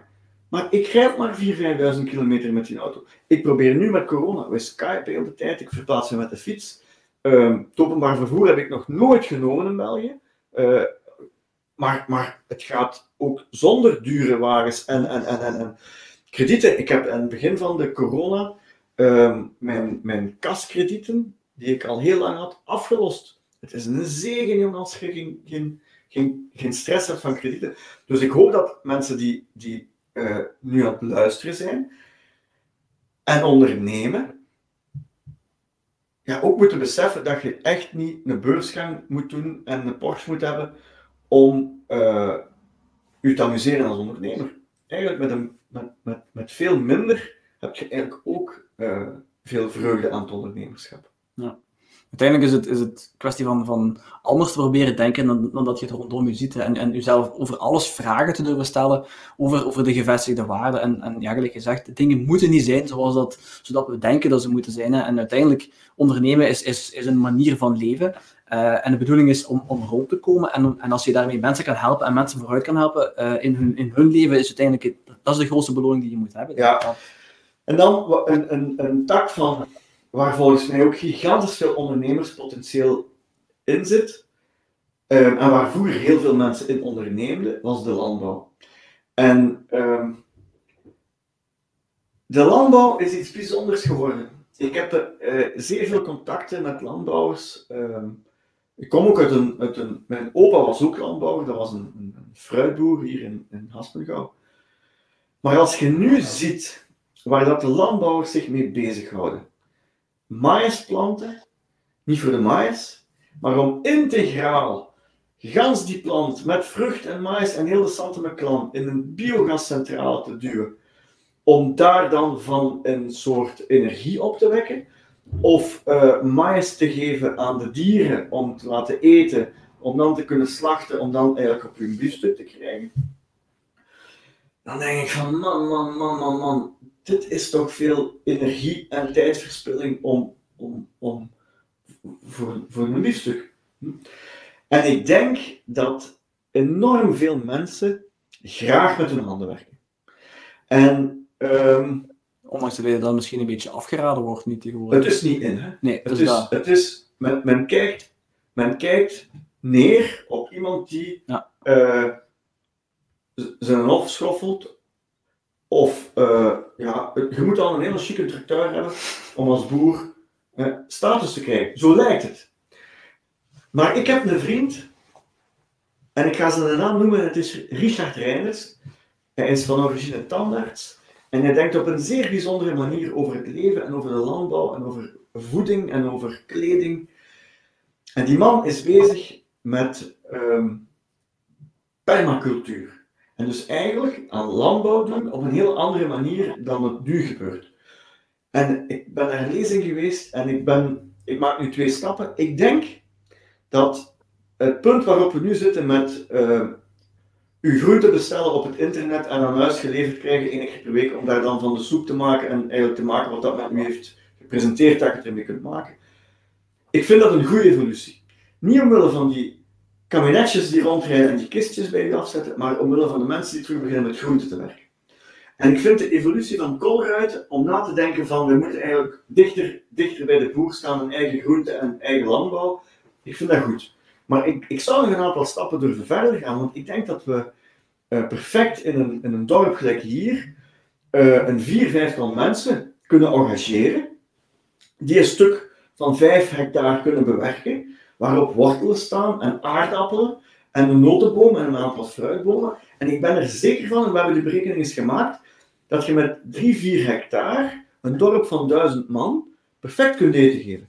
En ik denk dat hier uh, heel veel mensen in het dorp kandidaat zouden zijn om voor een uh, gewoon loon, dus geen superloon, maar ook geen laagloon, voor een gewoon loon op die 5 hectare te werken en daar het land te bewerken en eigenlijk ons dorp te voorzien van eten en drinken. Ik vind dat we dat goed moeten doen. Ik vind dat we de bodem moeten analyseren voor we dat gaan doen. En ik vind dat dat ook allemaal een beetje moet volgens de regels van de kunst. Hè? Zeker naar bemesting toe en zo, dat we dat beter moeten doen dan, dan het eigenlijk hoort.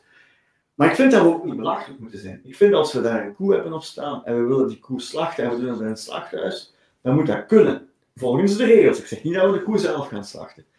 En ik ben er zeker van dat als we overschot hebben met onze opbrengst en we vragen aan de tantes en de oma's in het dorp of ze soep willen maken daarvan, dat ze gratis soep willen maken.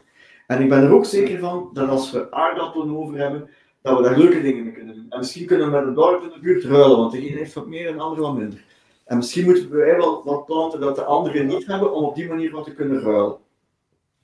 Maar kijk eens wat je kunt doen. Je kunt in een dorp, gelijk Kortes, of in waar, je wat deelgemeentes hebt, gemakkelijk 40, 50 mensen werk geven. En je kunt de bevolking gezond eten geven en niet op een camion af moeten gaan, want, want je gaat gewoon je groente één keer per week halen. Uh, ons dorp is, is twee kilometer groot.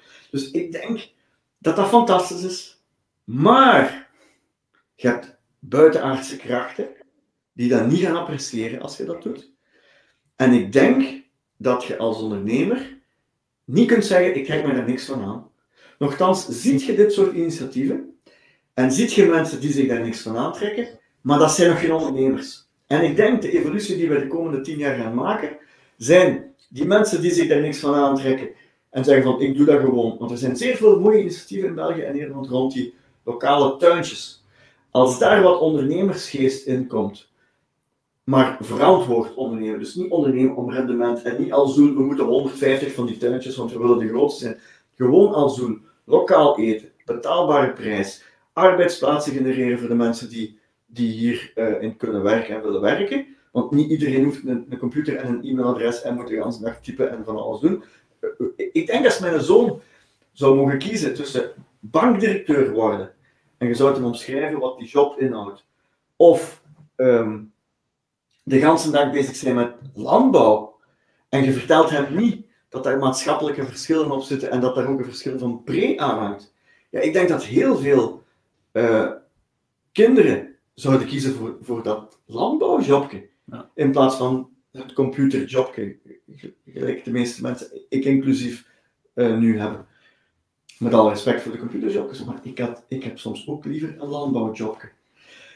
En ik denk dat uh, dat soort zaken, en ik hoop dat ook, uh, dat, dat dat zaken zijn die in de snelle toekomst gaan veranderen. En ik denk dat dat meerwaarde is voor, voor heel veel mensen.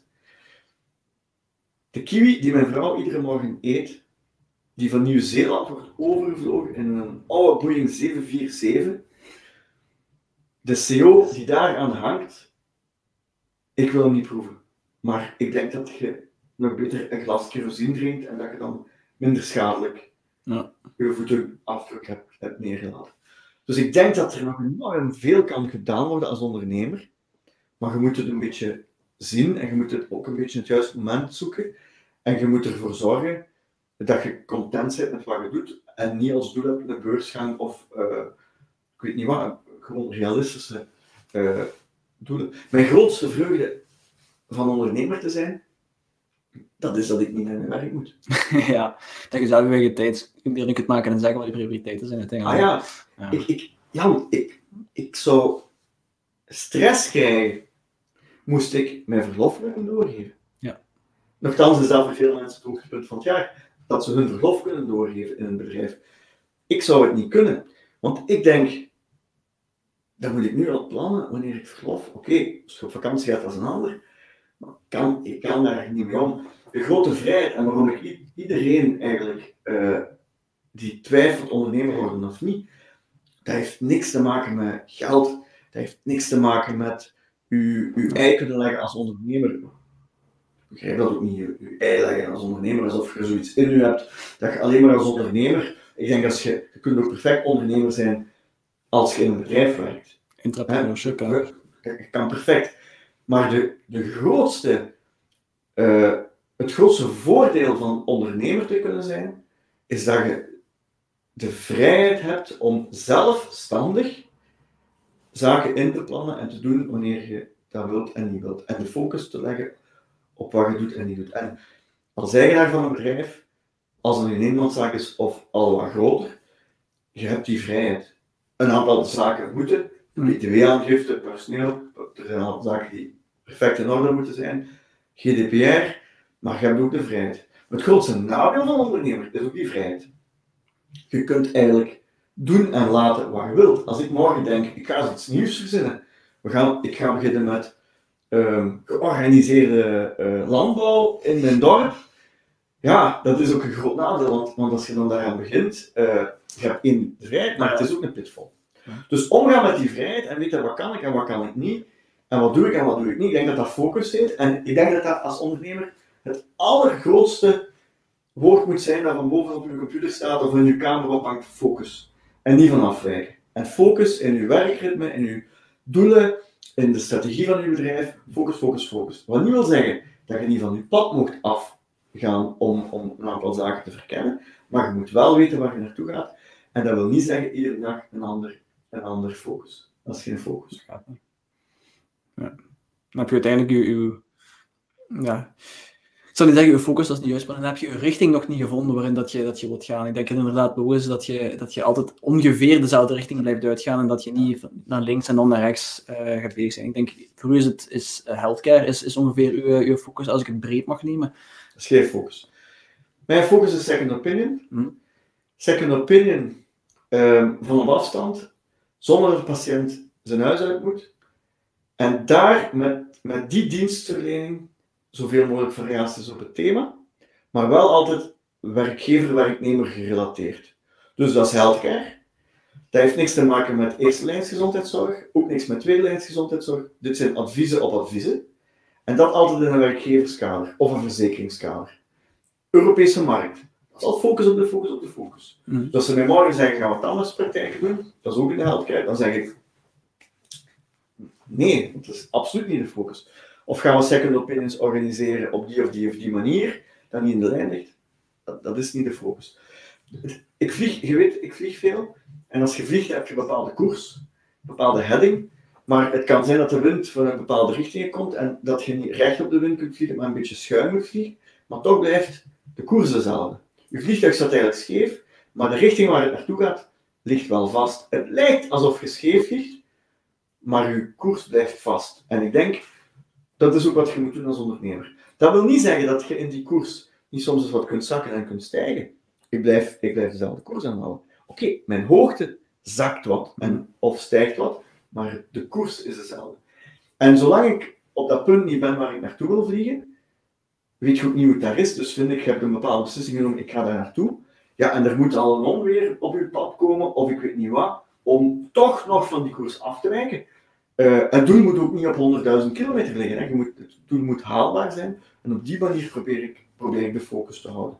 En uh, wij focussen zo per twee jaar. We hebben, we hebben doelen en, en op twee jaar moeten die, moeten die, moeten die behaald zijn. Ja.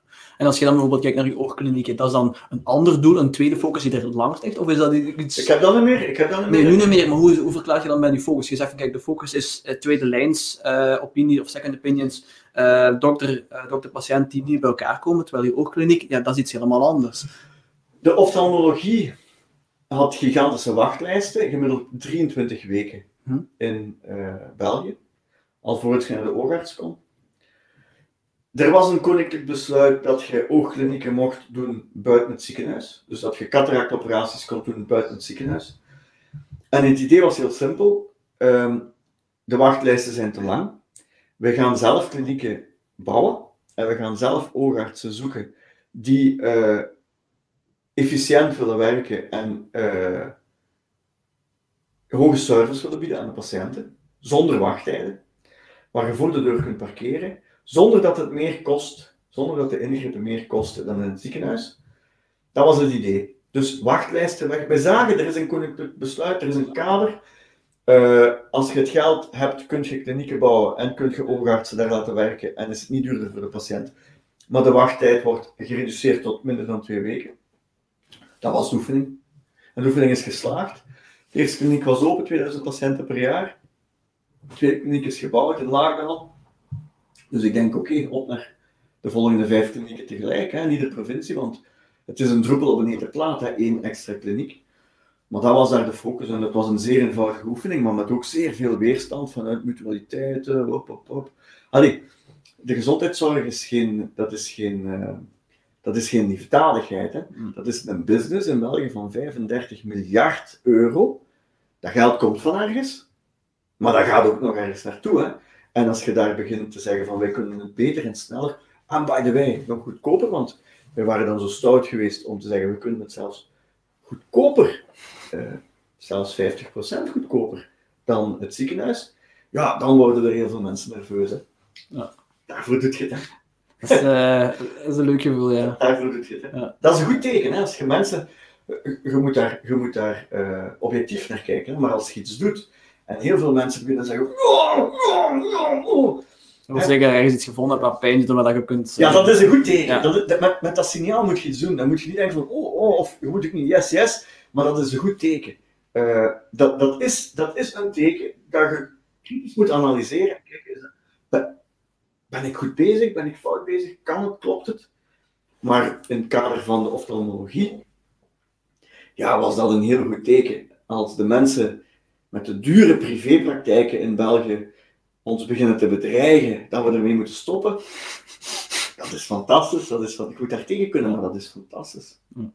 Als dat, dan heb je een, een signaal, het is geen bewijs uiteraard, maar het is een, het is een signaal dat je, dat je een bepaalde norm aan het doorbreken zit Je uiteindelijk. moet daartegen kunnen. Ja. Je zet de norm aan het doorbreken, je krijgt wat steun, je moet doordoen, je moet daartegen kunnen, je moet voldoende middelen hebben om dat ook te kunnen doen en voldoende snel te kunnen doen.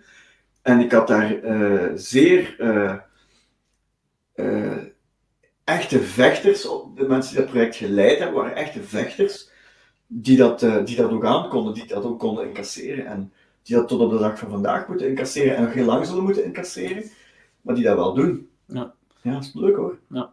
Maar dat is dan, uh, om, om terug te komen op de analogie van het vliegtuig daarnet, dat is, dan, dat is dan niet meer binnen de focus van Royal Doctors. Royal Doctors heeft één focus en de oogklinieken was een opportuniteit die, die een volledig eigen focus heeft gehad. Ah ja, ah ja natuurlijk. De, de, de, de gemeenschappelijke deler is maatschappelijk probleem. Uh, en eigenlijk de eerste zijn in het soort activiteit. Hè. Met de motoschool waren we een tweede. Met de Royal Doctors waren we in de wereld eigenlijk ook de tweede, want er was, een, er was al heel lang een grote Amerikaanse firma uh, ook in die tendens aan het werken. Met de oogklinieken waren wij eigenlijk ook de tweede in België, maar de eerste maakte zeer dure klinieken en alleen maar om nog meer te verdienen. En wij hebben met hetzelfde koninklijk besluit zeer uh, een prijs, een, een prijzenslag kunnen maken op uh, cataractoperaties.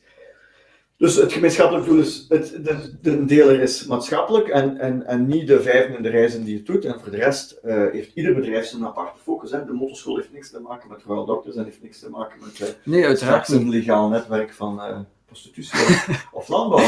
Tuurlijk maar voor jezelf moet de focus er ook wel zijn. En je hebt de focus enerzijds van je bedrijf en anderzijds ja. de focus van u als ondernemer. En je kunt niet met, met vijf... Het gaat uiteraard wel ja. met de juiste ondersteuning, maar het is moeilijk om met vijf, vijf en zes verschillende dingen bezig te zijn als die, als die niet iets gemeenschappelijk nee, hebben. dat is niet waar. Dat is wat ik in het begin zei.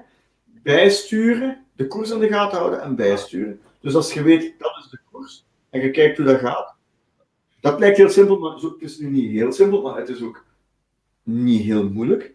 Maar je kunt perfect uh, vijf dingen de lucht insturen die overal ergens anders naartoe moeten vliegen. Ja. Maar dat hangt veel af van de mensen die onder u staan, want uiteindelijk moet je heel groot stuk van de verantwoordelijkheid overdragen. Ja, en, en, die moeten dat wel begrijpen, die moeten wel de visie en de, de missie en de strategie goed begrijpen. En wat onmogelijk is, is dat mensen die in het één bedrijf werken, voor, voor mij ook nog in een ander bedrijf van mij werken.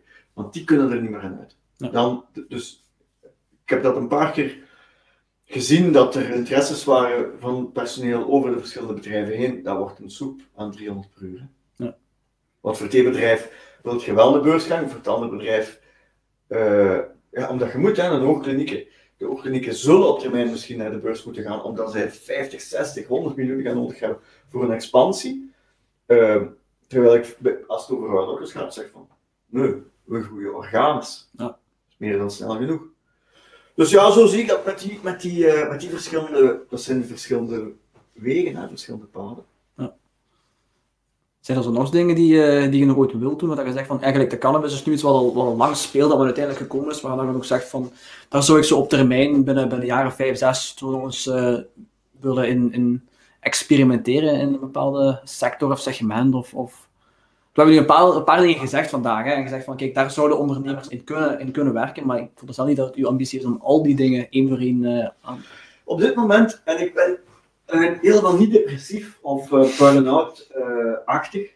maar op dit moment, um, ik, ik, heb van mijn 18 jaar eigenlijk altijd onder, ondernemingen gehad. Ik ben nu 44. Op dit moment denk ik dat het even goed geweest is. Um, en wil ik, wil ik bij de les blijven. Maar niks sluit uit dat als je 50 jaar bent of zo, hè, dat je zegt van, goh, we gaan, we gaan nog eens met een paar mensen, uh, we gaan nog eens iets doen. Hè. Je moet weten, Enzo Ferrari, die is altijd uh, bij Alfa Romeo in dienst geweest en die is pas op zijn 50ste begonnen met echt ondernemer. Rollo Duchatelet, echt een absolute topondernemer, is ingenieur geweest tot zijn 45ste, 50ste en is dan pas met Melexis begonnen en is nu een enorm fantastische ondernemer, ook zeer nederig. En is nu de 70 gepasseerd en, ja, en is nog altijd bezig met van alles. Dus ik denk dat ik het geluk heb gehad om heel jong te mogen beginnen. Ik heb ook altijd alle kansen gekregen. Um, allee, er heeft mij nooit iemand tegengehouden. Ik, ik, ik, ik, heb de kansen gekregen, maar zeker niet financieel. Maar er heeft mij nooit iemand tegengehouden of kunnen tegenhouden. Dus ik heb, ik heb heel veel kunnen doen en ik, en, en ik heb echt altijd mijn goesting kunnen doen. Maar oh, ik heb het nu wel even geschat met bedrijfjes oprichten. En, en ik heb ook nooit echt um, dat gedaan om te verkopen. En ik heb nu afgelopen jaar twee, twee, bedrijven, uh, één volledig verkocht en één voor een stukje toch uit handen moeten geven. Dat is niet de bedoeling. Ik wil ze altijd ook wel een beetje houden eigenlijk. Hè. Dus, ja, maar dus, en die, die sectoren gelijk de landbouw en zo, dat is bijzonder interessant. Prostitutie vind ik bijzonder interessant. Onderwijs, uh, ook interessant. Ja, ja, ja. Ik vind het leuk, ja. Ja, er zijn heel veel, uh, heel veel uh, leuke aspecten nog, of, of prospecten, ik zal het zo zeggen, dingen die nog, die nog kunnen gebeuren, waar, dat we, ja. waar dat we nog heel veel veranderingen kunnen zien. Eigenlijk, hè. Dus, uh... Maar wat ik nu vind dat belangrijk is, je gaat het saai vinden, hè. knip het er maar uit. Ik, ik heb nu drie kinderen, die zijn zo tussen de 12 en de 15 jaar. En ik denk nu van, oké, okay, de tijd waar we nu in zitten, we zijn een beetje verplicht om veel thuis te zijn het is eigenlijk perfect voor mij, want ik kan uh, echt wel goed, goed, zorgen voor mijn gezin. Ik ben s morgens thuis, ik ben s'avonds thuis. Ik heb uh, uh, mijn bureau eigenlijk vlakbij waar ik woon. En ik denk dat het echt nu mijn taak is om het goede voorbeeld te geven aan mijn kinderen. Van papa zijn en opvoeden. En je moet je niet te veel mee voorstellen. Het is niet dat ik iedere dag mijn kinderen aan het opvoeden ben, maar ik denk opvoeden is ook uh, het goede voorbeeld geven. En laten zien wat je wel doet en laten zien wat je niet doet. Ik rook niet, ik drink bijna niet. Uh, ik gebruik geen drugs. Uh, ik probeer te sporten en, en zo de kinderen te betrekken, de nieuwsgierigheid te creëren. En ik denk, ja, binnen tien jaar zijn die hier allemaal. Allee, ik hoop dan toch het huis uit. En dan, en dan komt er weer een andere fase in, in mijn leven. En daar heb ik ook altijd wel goed aan gevoeld van, oké, je moet de dingen doen als je ze kunt doen. En als je ze je moet niet wachten om dingen te doen tot als je het geld hebt om de dingen te doen. Want meestal heb je dan de tijd niet meer. Maar je moet de dingen doen als je de energie hebt om de dingen te doen en de tijd hebt. En ik denk, ik heb de afgelopen twintig jaar heel veel energie gehad om dingen te doen en ook de tijd gehad om dingen te doen. En ik denk dat nu een deel van mijn tijd naar dat gezin gaat, om dat goed te doen. En ik denk dat ik binnen tien jaar zeg van oké, mijn vrouw en ik, we hebben die kinderen echt wel de jeugd van, van de goede jeugd gegeven, en zonder te overdrijven. Um, en dan, en dan, en dan ben ik nog maar 55 binnen 10 jaar. Maar jong, 55, dat is, dat is het nieuwe 35, hè? Dan begint de midlife crisis pas. Ik denk, ik denk dat ik die al gehad heb. uh, ik heb al een motto gekocht en ik heb al verschillende motto's gekocht. Uh, naar andere vrouwen. Ja, dat interesseert mij niet. Ik ben ook niet voor de mannen of zo, maar ik, ik ben zo content met mijn vrouw. Dat is zo. Ja, dat, dat ik, heb, ik heb een aantal heel leuke vriendinnen, uh, maar echt vriendinnen. Ehm, maar, maar Nee, dat, dat is dus ook niet. Dus mijn midlife crisis, die is al om. Ja. ja. Allee, de beste is yet te komen dan. Ja. Ja. ja, en ik denk van, zo van je 50 tot je 60ste, 65ste, moet je echt nog een, tweede cartouche eh, ondernemerschap tonen. Ja. En, en dan moet je zorgen dat je een goede opa bent. Hè? Allee, laat, laat mij... Ik ken mensen van 80, 85 die echt, echt doordoen, maar dat zijn ook goede opa's. Ja. Het gaat allemaal over energie en, en balans en, en, en eh, het verdelen van de energie. hè. Ja. En bij mij, ik denk wel dat, hij, dat de energie gaat naar de juiste zaken. En dat, dat is de kunst. Hè? Dat is inderdaad iets wat, eh, wat heel belangrijk is. hè. De, de prioriteit. En dan moet daarom niet zozeer, zozeer zijn, die dag is het werk en die dag is het, is het hobby of iets dergelijks. Maar het is gewoon een kwestie van de balans te vinden, gelijk dat je zegt. En inderdaad dan eh, dat een verdeling te maken. Hè. En, en weten wat, wanneer en, en wat, eh, waar je op, de, op welk moment de, de, de focus aan moet geven. Ja, en, en, en waar we het nog niet veel over gehad hebben, is over geld. Want heel veel ondernemers die zijn bezig met geld. Dat is, dat is eh, ja, ik vind dat geld, dat moet eigenlijk, als je onderneemt, hè, ik ga twee zaken zeggen. Ik ga zeggen hoe dat geld moet zijn om, als je wilt eh, leven, dus privé. En ik ga het hebben over geld als je onderneemt. Oké. Maar waar wil je beginnen? Doe maar eens ondernemen. Ja, als je onderneemt, moet geld zijn gelijk lucht. Dat moet er zijn. Is dat chronisch tekort, dan krijg je zo'n beetje astma. En heb je heel de tijd astma, ja, dat, dat, dat gaat ten koste van je gezondheid. Nu, de vraag is waarom is dat chronisch tekort? Ofwel is het omdat je veel te rap aan het ademen bent, ofwel is het omdat er te weinig lucht is. Maar ik denk, als ondernemer moet, moet je beschikken over voldoende middelen, maar moet je de middelen nu ook niet besteden omdat ze er zijn. Lucht is een schoon voorbeeld, hè? ik zeg dat niet zomaar. Lucht is er genoeg. Maar dat wil niet zeggen dat we nu gaan moeten hyperventileren, we hebben zoveel mogelijk lucht, want het is er en ik moet het hebben. En eh, zuurstof is goed voor de mensen. Nee. Je kunt, maar je kunt het niet opslaan. hè. Je kunt het niet opstaan. Nee. En geld, ik vind, geld is gelijk energie en het moet er gewoon zijn. Het moet, het moet er standaard zijn. En is er tekort, ja, dan moeten we misschien wat minder gaan ademen, of misschien moeten we wat, wat meer Wat rustiger aan doen Ja. uiteindelijk. Maar dat moet er zijn. En je moet eh, ondernemen naar, naar, naar je kunnen. Zonder dat je hyperventileert. Maar je moet ook niet zeggen van er is weinig, dus ik ga rustig ademen. Nee, ook dat, dat is ook niet goed. Moet- Dus geld mag geen obsessie aan zich worden. In het biotechbedrijf cannabis, daar gaat het over miljoenen euro's. Als we daar een, een, een, een ronde doen, is dat een ronde van 5 miljoen euro. En dat is dan een kleine, een kleine ronde. Maar 5 miljoen euro bij Royal Doctors, dat is een fortuin. Dus het moet passen in, in de sfeer van het bedrijf. Bon. En, en, en wat bij Royal Doctors eh, normaal is, is misschien voor een eenmanszaak een fortuin. En dus het is zeer relatief. Het is zeer relatief. Ehm, privé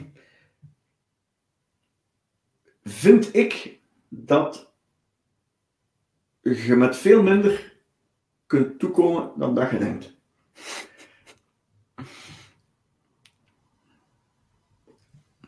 Ik hoef niet de laatste nieuwe kleren. Ik hoef ook niet de laatste nieuwe auto. Ik hoef ook niet de laatste nieuwe smartphone. En ik was blij om Gert Verhulst te zien. Die zijn is ook al tien jaar oud. Die redeneert ook zo. Leuk. Het hoeft allemaal niet het nieuwste van het nieuwste. Maar als je altijd het nieuwste van het nieuwste en altijd alles wilt hebben, ja, dan heb je altijd tekort. Dat, ook al verdient je 10.000 euro per maand, dan heb je altijd tekort. En zelfs als je nog meer verdient, heb je altijd tekort. Maar als je content bent met wat je hebt en zegt van oké, ja, dan denk ik echt dat je met een gewoon loon, en ik, ik keer mezelf een gewoon loon uit, dat je daarmee moet toekomen. En dan is het normaal dat je wel soms wel zorgen maakt van wat als mijn kinderen gaan studeren en en en. Dat is ook niet erg dat je daarover zorgen maakt. Dat is ook toch maar goed dat je daarover zorgen maakt. Ik zou het veel triestiger vinden dat je ieder jaar opnieuw moet beslissen welke kleren interieur je in een rijtschroeven gaat steken. Dat vind ik bangelijk. Dat is geen goed teken en ook het goede voorbeeld niet naar je kinderen. Maar ik denk dat je met heel weinig, met heel weinig, heel veel kunt, heel veel kunt bereiken. Ja. ja. En, en ik, ik hoop dat ondernemers die ondernemen, echt niet ondernemen om hun doel een Porsche of hun doel een appartement aan zee te bereiken. Want dat zou ik spijtig vinden. Als je dat graag doet en dat is een droom, ik begrijp dat. Maar ik weet zeker dat als je je appartement aan zee hebt, je na een paar maanden naar het volgende begint te kijken. Want als u een drive ondernemen is om die dingen te kopen en dingen te kopen en dingen te kopen, het houdt niet meer op. Ik heb dat met motto's. Dat is verschrikkelijk vervelend. Ik koop graag oude motto's. Ze zijn niet duur, motto's van de jaren 80. Maar ik ben in een eh, spiraal gekomen dat ja, ik heb, ik heb op tweedehandszinnen gevonden. En ik heb hem nog maar een week en ik ben naar de volgende aan het kijken. Dat, dat wordt bijna gelijk verzamelen. Nu, mijn motto's gaat dat nog, want tegenwoordig koopt je motto's voor een paar honderd euro. Ik koop niet de duurste. Maar als de appartementen aan zee zijn, of Porsche, dan wordt dat iets anders. En dan, dan, dan, dan lijkt het mij minder vrij om te ondernemen. Dus ik denk, in het kader van goede balans, in je onderneming moet het geld er zijn. En als het er is, moet je de tering naar de nering proberen te zetten, gelijk de zuurstof. En privé, echt, je, dat, ça va. Ik denk ook inderdaad met Allee, de, de, de, zijn de, de statussymbolen van de maatschappij, om het zo te zeggen. De, de, de dure gsm en, en, en de dure auto en dit en dat. Maar uiteindelijk, eh, de bedoeling van de gsm om, om, om je vrienden te telefoneren en de bedoeling van een auto is om van A naar B te gaan. Uiteindelijk, ik denk dat er heel veel um, mensen moeten nadenken over wat ze eigenlijk willen en hoe dat ze juist willen leven. En ik denk dat, dat het ondernemen kan u dat geven. Het feit dat je niet meer afhankelijkheid afhankelijk bent van een baas, dat je zelf je eigen uh, vakanties kunt inplannen, dat je zelf je prioriteit kunt geven, waar dat je wel of niet aandacht aan wilt schenken. En, en, en ja, het, het, geld mag niet de focus zijn, het geld mag niet de drive zijn, want ik denk ook niet dat je het dan zo lang volhoudt, eerlijk gezegd. Omdat er, er, komt zo ellendig veel bij kijken, er zijn zo ellendig veel nieuwe dingen die je moet ontdekken. Uh, het, staat niet in een boekje, hè, hoe dat je moet ondernemen. Dus, uh... nee. nee, en het is ook zeer eenzaam, vind ik, om te ondernemen. Uh, niemand zegt, het staat niet in het boekje, daar wil ik op inpikken, dus niemand zegt u hoe dat je het moet doen. Maar, maar je bent ook dikwijls heel alleen met uw gedachten en met uw uh, ideeën en met uw problemen en, met uw, en ook met uw successen. Dus het is heel moeilijk, het is heel moeilijk om als ondernemer uh, over uw problemen te praten met andere ondernemers. Ik zie dat dat heel moeilijk is. En dan kan ik dat ook heel gemakkelijk, als mijn geld op is, dan heb ik er geen enkel probleem om te zeggen, tegen iemand die bij ons werkt van, we moeten een klein beetje zuinig zijn, want ons geld is op. En ik heb dan binnen mijn firma de juiste mensen met wie ik kan spreken. En meestal uh, is het natuurlijk niet helemaal op, maar ja. zo wat negatievere gesprekken voeren, ik vind dat dat moet kunnen. Positievere gesprekken voeren, dat is al veel moeilijker. Het is nogal vervelend om te zeggen, ja, yes, ik heb vandaag een dikke deal gemaakt die me zoveel opbrengt. En dat wordt niet geapprecieerd, hè. Want er zijn altijd mensen die dat niet kunnen kaderen die dan denken van ja, ja, ja, er zal wel weer iets achter zitten. Eh, ondernemerschap heeft ook heel lang geen respect gekregen. Hè. Het is maar dankzij Unizo en VOCA die het ondernemerschap echt wel op de kaart hebben gezet en gezegd hebben van kijk, we hebben de ondernemers nodig en de ondernemer verdient respect. Maar pas op, dat, is, dat, is, dat was ondenkbaar 20 jaar geleden. Hè? Want een ondernemer, dat was een fraudeur, die deed alles in zwart. En wat er overbleef, dat, dat, dat deed hem naar het buitenland op een, op een zwarte rekening. En dat was een ondernemer. Ja, ik zeg u, dat is het niet meer. Maar wat het ook niet meer is, is dat wij alleen maar werken voor de staat en alleen maar belasting betalen. En oké, ik weet wel, er gaat, je betaalt btw en je betaalt belasting en, en, en een aantal zaken zijn duur. Maar ik denk op dit moment ondernemen in Europa, dus echt wel aangenaam. Je kunt een balans vinden en je kunt je dingen, je kunt, je kunt nog geld verdienen. Maar waar je niet kunt, je mocht het niet vertellen. Als je morgen veel geld verdient, of een dikke deal maakt, of, een, of je bedrijf verkoopt voor x aantal uh, euro's, het wordt niet geapprecieerd als je het vertelt. En als je het vertelt, krijg je eigenlijk meer problemen door het te vertellen dan dat je er eigenlijk plezier aan had om het te vertellen. Dus je zwijgt maar.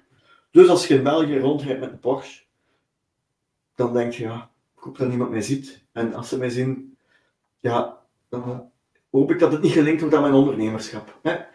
Je hebt een bij wijze van spreken nog beter gekregen van je bommen dan dat je hem verdiend hebt met ondernemen. Ja, maar gelacht, maar als je in Amerika met een Ferrari ja, rijdt, dus... zegt iedereen, hey, je, je, hebt, je hebt het goed gedaan. Daar heb, ik, daar heb ik over tijd, eh, in een van de vorige afleveringen, heb ik er ook mee gepraat met, met Geert Halbe. Uh, Die uiteraard al... Uh, Cubigo. Cubigo, wel ja. Die heeft uiteraard al redelijk wel in Amerika gezeten. Daar ook al een aantal dingen gezien. En die zei ook van, ja kijk, de, de, de sfeer is gewoon enorm anders hier, in, in, vooral in België en in Europa in het algemeen. Van, van, uh, en die zei ook net hetzelfde wat, wat jij nu zegt van het zwart geld en zo. Van, ja, dat, dat, dat, dat ja, ik zal niet zeggen de, de, de, de mislukkelingen van de maatschappij is misschien heel zwaar, zwaar uitgedrukt, maar gewoon dat, dat je inderdaad daar, daar ja, dat, je, dat, je dat, niet, dat dat niet in dank wordt afgenomen als je als succesvol ondernemer naar buiten komt en durft te zeggen van, van wat, je, wat je bereikt hebt uiteindelijk. En dat is, ik vind dat persoonlijk heel jammer. Dat is iets dat ik, dat ik niet verwacht had, eerlijk gezegd. Nee, maar de en mislukkelingen van de maatschappij in Amerika is dat heel zwart-wit. Hm? Daar heb je enorme rijke mensen met welvaart, ja, die, die, Ja. Ja, die onomschrijfelijk is. Hè? Ja, ja. Maar het wordt hun, het wordt hun gegund. Want, Mm. hè, maar, en je hebt een gigantische armoede. Hm. En ik denk die extremen, die zijn een klein beetje erover. Maar het zijn, het zijn niet die extremen die, die belangrijk zijn. Het, het is de tussenmaat die goed moet zijn. En ik denk dat wij eh, met ons sociaal eh, systeem, dat is een fantastisch systeem, dat is een sociaal vangnet. Hè, je kent wel een vangnet. Ja. Maar natuurlijk zijn er ook heel veel mensen die dat net gebruiken als hangmat. Dat is hetzelfde, hè? maar daarvoor is het niet gemaakt. En ik denk dat wij op het punt aan komen zijn in Europa dat wij met ons sociaal vangnet te fel sociale hangmat aan het worden zijn. En dat eigenlijk die bomen, aan wie die hangmat of dat vangnet, want dat is hetzelfde, die bomen dat zijn dan de, de ondernemingen, dat die bomen eigenlijk een beetje te fel afzien van het gewicht dat eigenlijk in die hangmat of in dat vangnet ligt.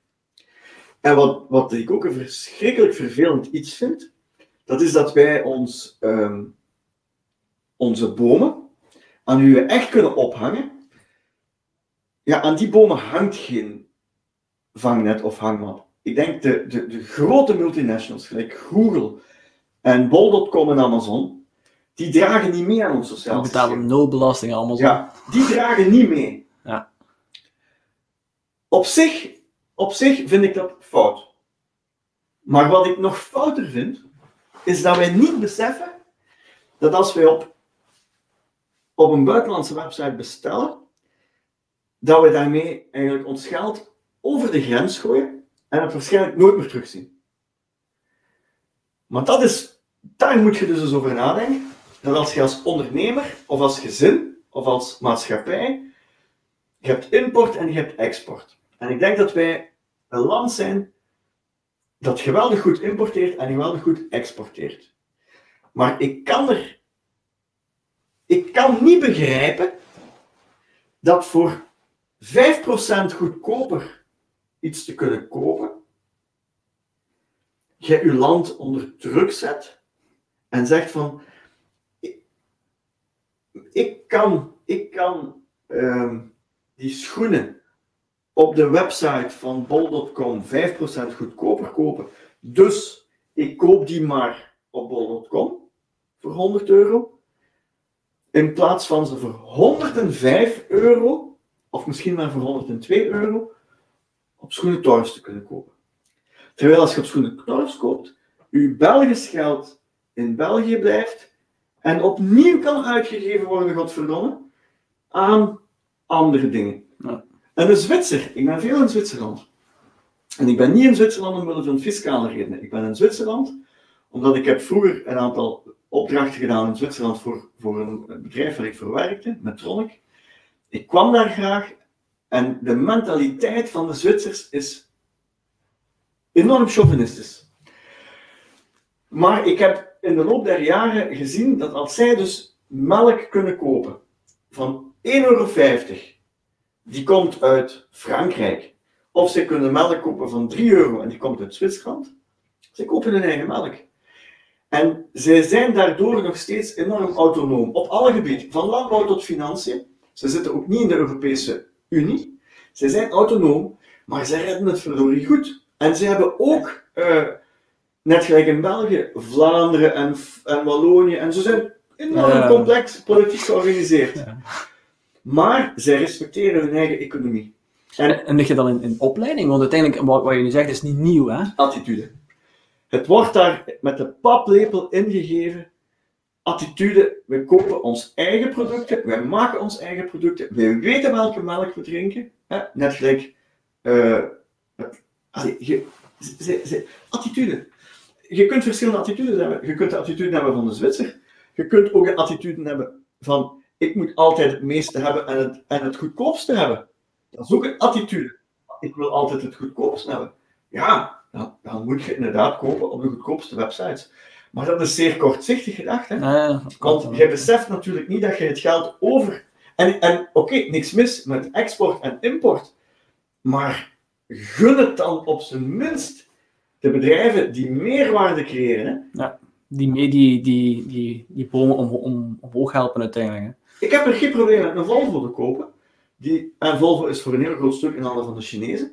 Maar ik weet dat die Volvo die ik koop, ik heb geen Volvo, hè, maar die wordt in Gent gemaakt.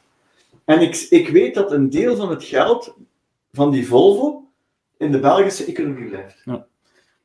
Kunnen we dat oplossen door, door of is, is een manier om het op te lossen, ik zal het zo zeggen, om, om meer te gaan ondernemen, om meer, eh minder werknemer te zijn en meer, meer kleine ondernemingen te starten? Of is het dan echt een structureel probleem dat van bovenaf moet opgelost worden? Dat bijvoorbeeld de grotere bedrijven zoals Google, ah ja, dat is misschien een slecht voorbeeld, maar dat die grotere bedrijven meer moeten bijdragen aan, aan, aan, aan eh, de boom eigenlijk die... eh, Ik kan alleen maar kopen.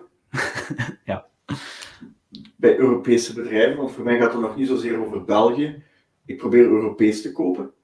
Ehm, ik probeer daar rekening mee te houden. Of, en, en, als iedereen dat doet, en als dat over kleine zaken gaat, gelijk schoenen, ik probeer lokaal te kopen en ik vind het zalig. Ehm, ik denk dat dat, ik denk dat, dat, eh, het antidotum is op, eh, op, wat, op wat we zien. Maar het is niet gemakkelijk, hè? Ehm, ik doe ook Google AdWords en Facebook campagnes. Ja, moet dat geld wat storten aan Facebook. Ik kan dat niet aan schoenen toch storten om mijn Google AdWords campagne te doen. Eh, Europa heeft, heeft geen tech-gigant à la Google en eh, Facebook. Eh, dat heeft ook zijn reden hè, waarom we dat niet hebben. De Romeinen hadden dat ook niet, hè. Maar ik denk dat we, ehm, ik denk dat we ons wel bewust moeten zijn van, van, van lokale economie en van geld en van dat het geld schaars is en, en, en dat als je het voor 2% goedkoper te kopen, eh, ja, dat, je dat we moeten ons verstand gebruiken. Ja. En, en ik vind het goed dat er tegenwoordig campagnes zijn die ons heel concreet zeggen, gebruik u, gebruik uw verstand.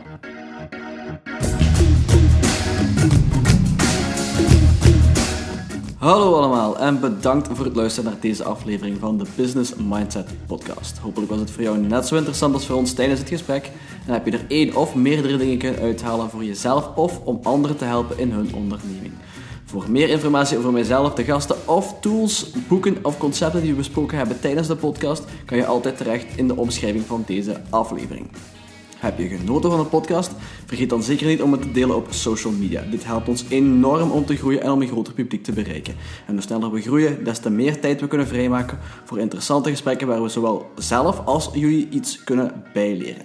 Heb je verder vragen of heb je feedback over wat we besproken hebben tijdens de aflevering? Of tips of verzoeken over onderwerpen die we kunnen behandelen? Of wil je iemand aanraden als gast tijdens de podcast?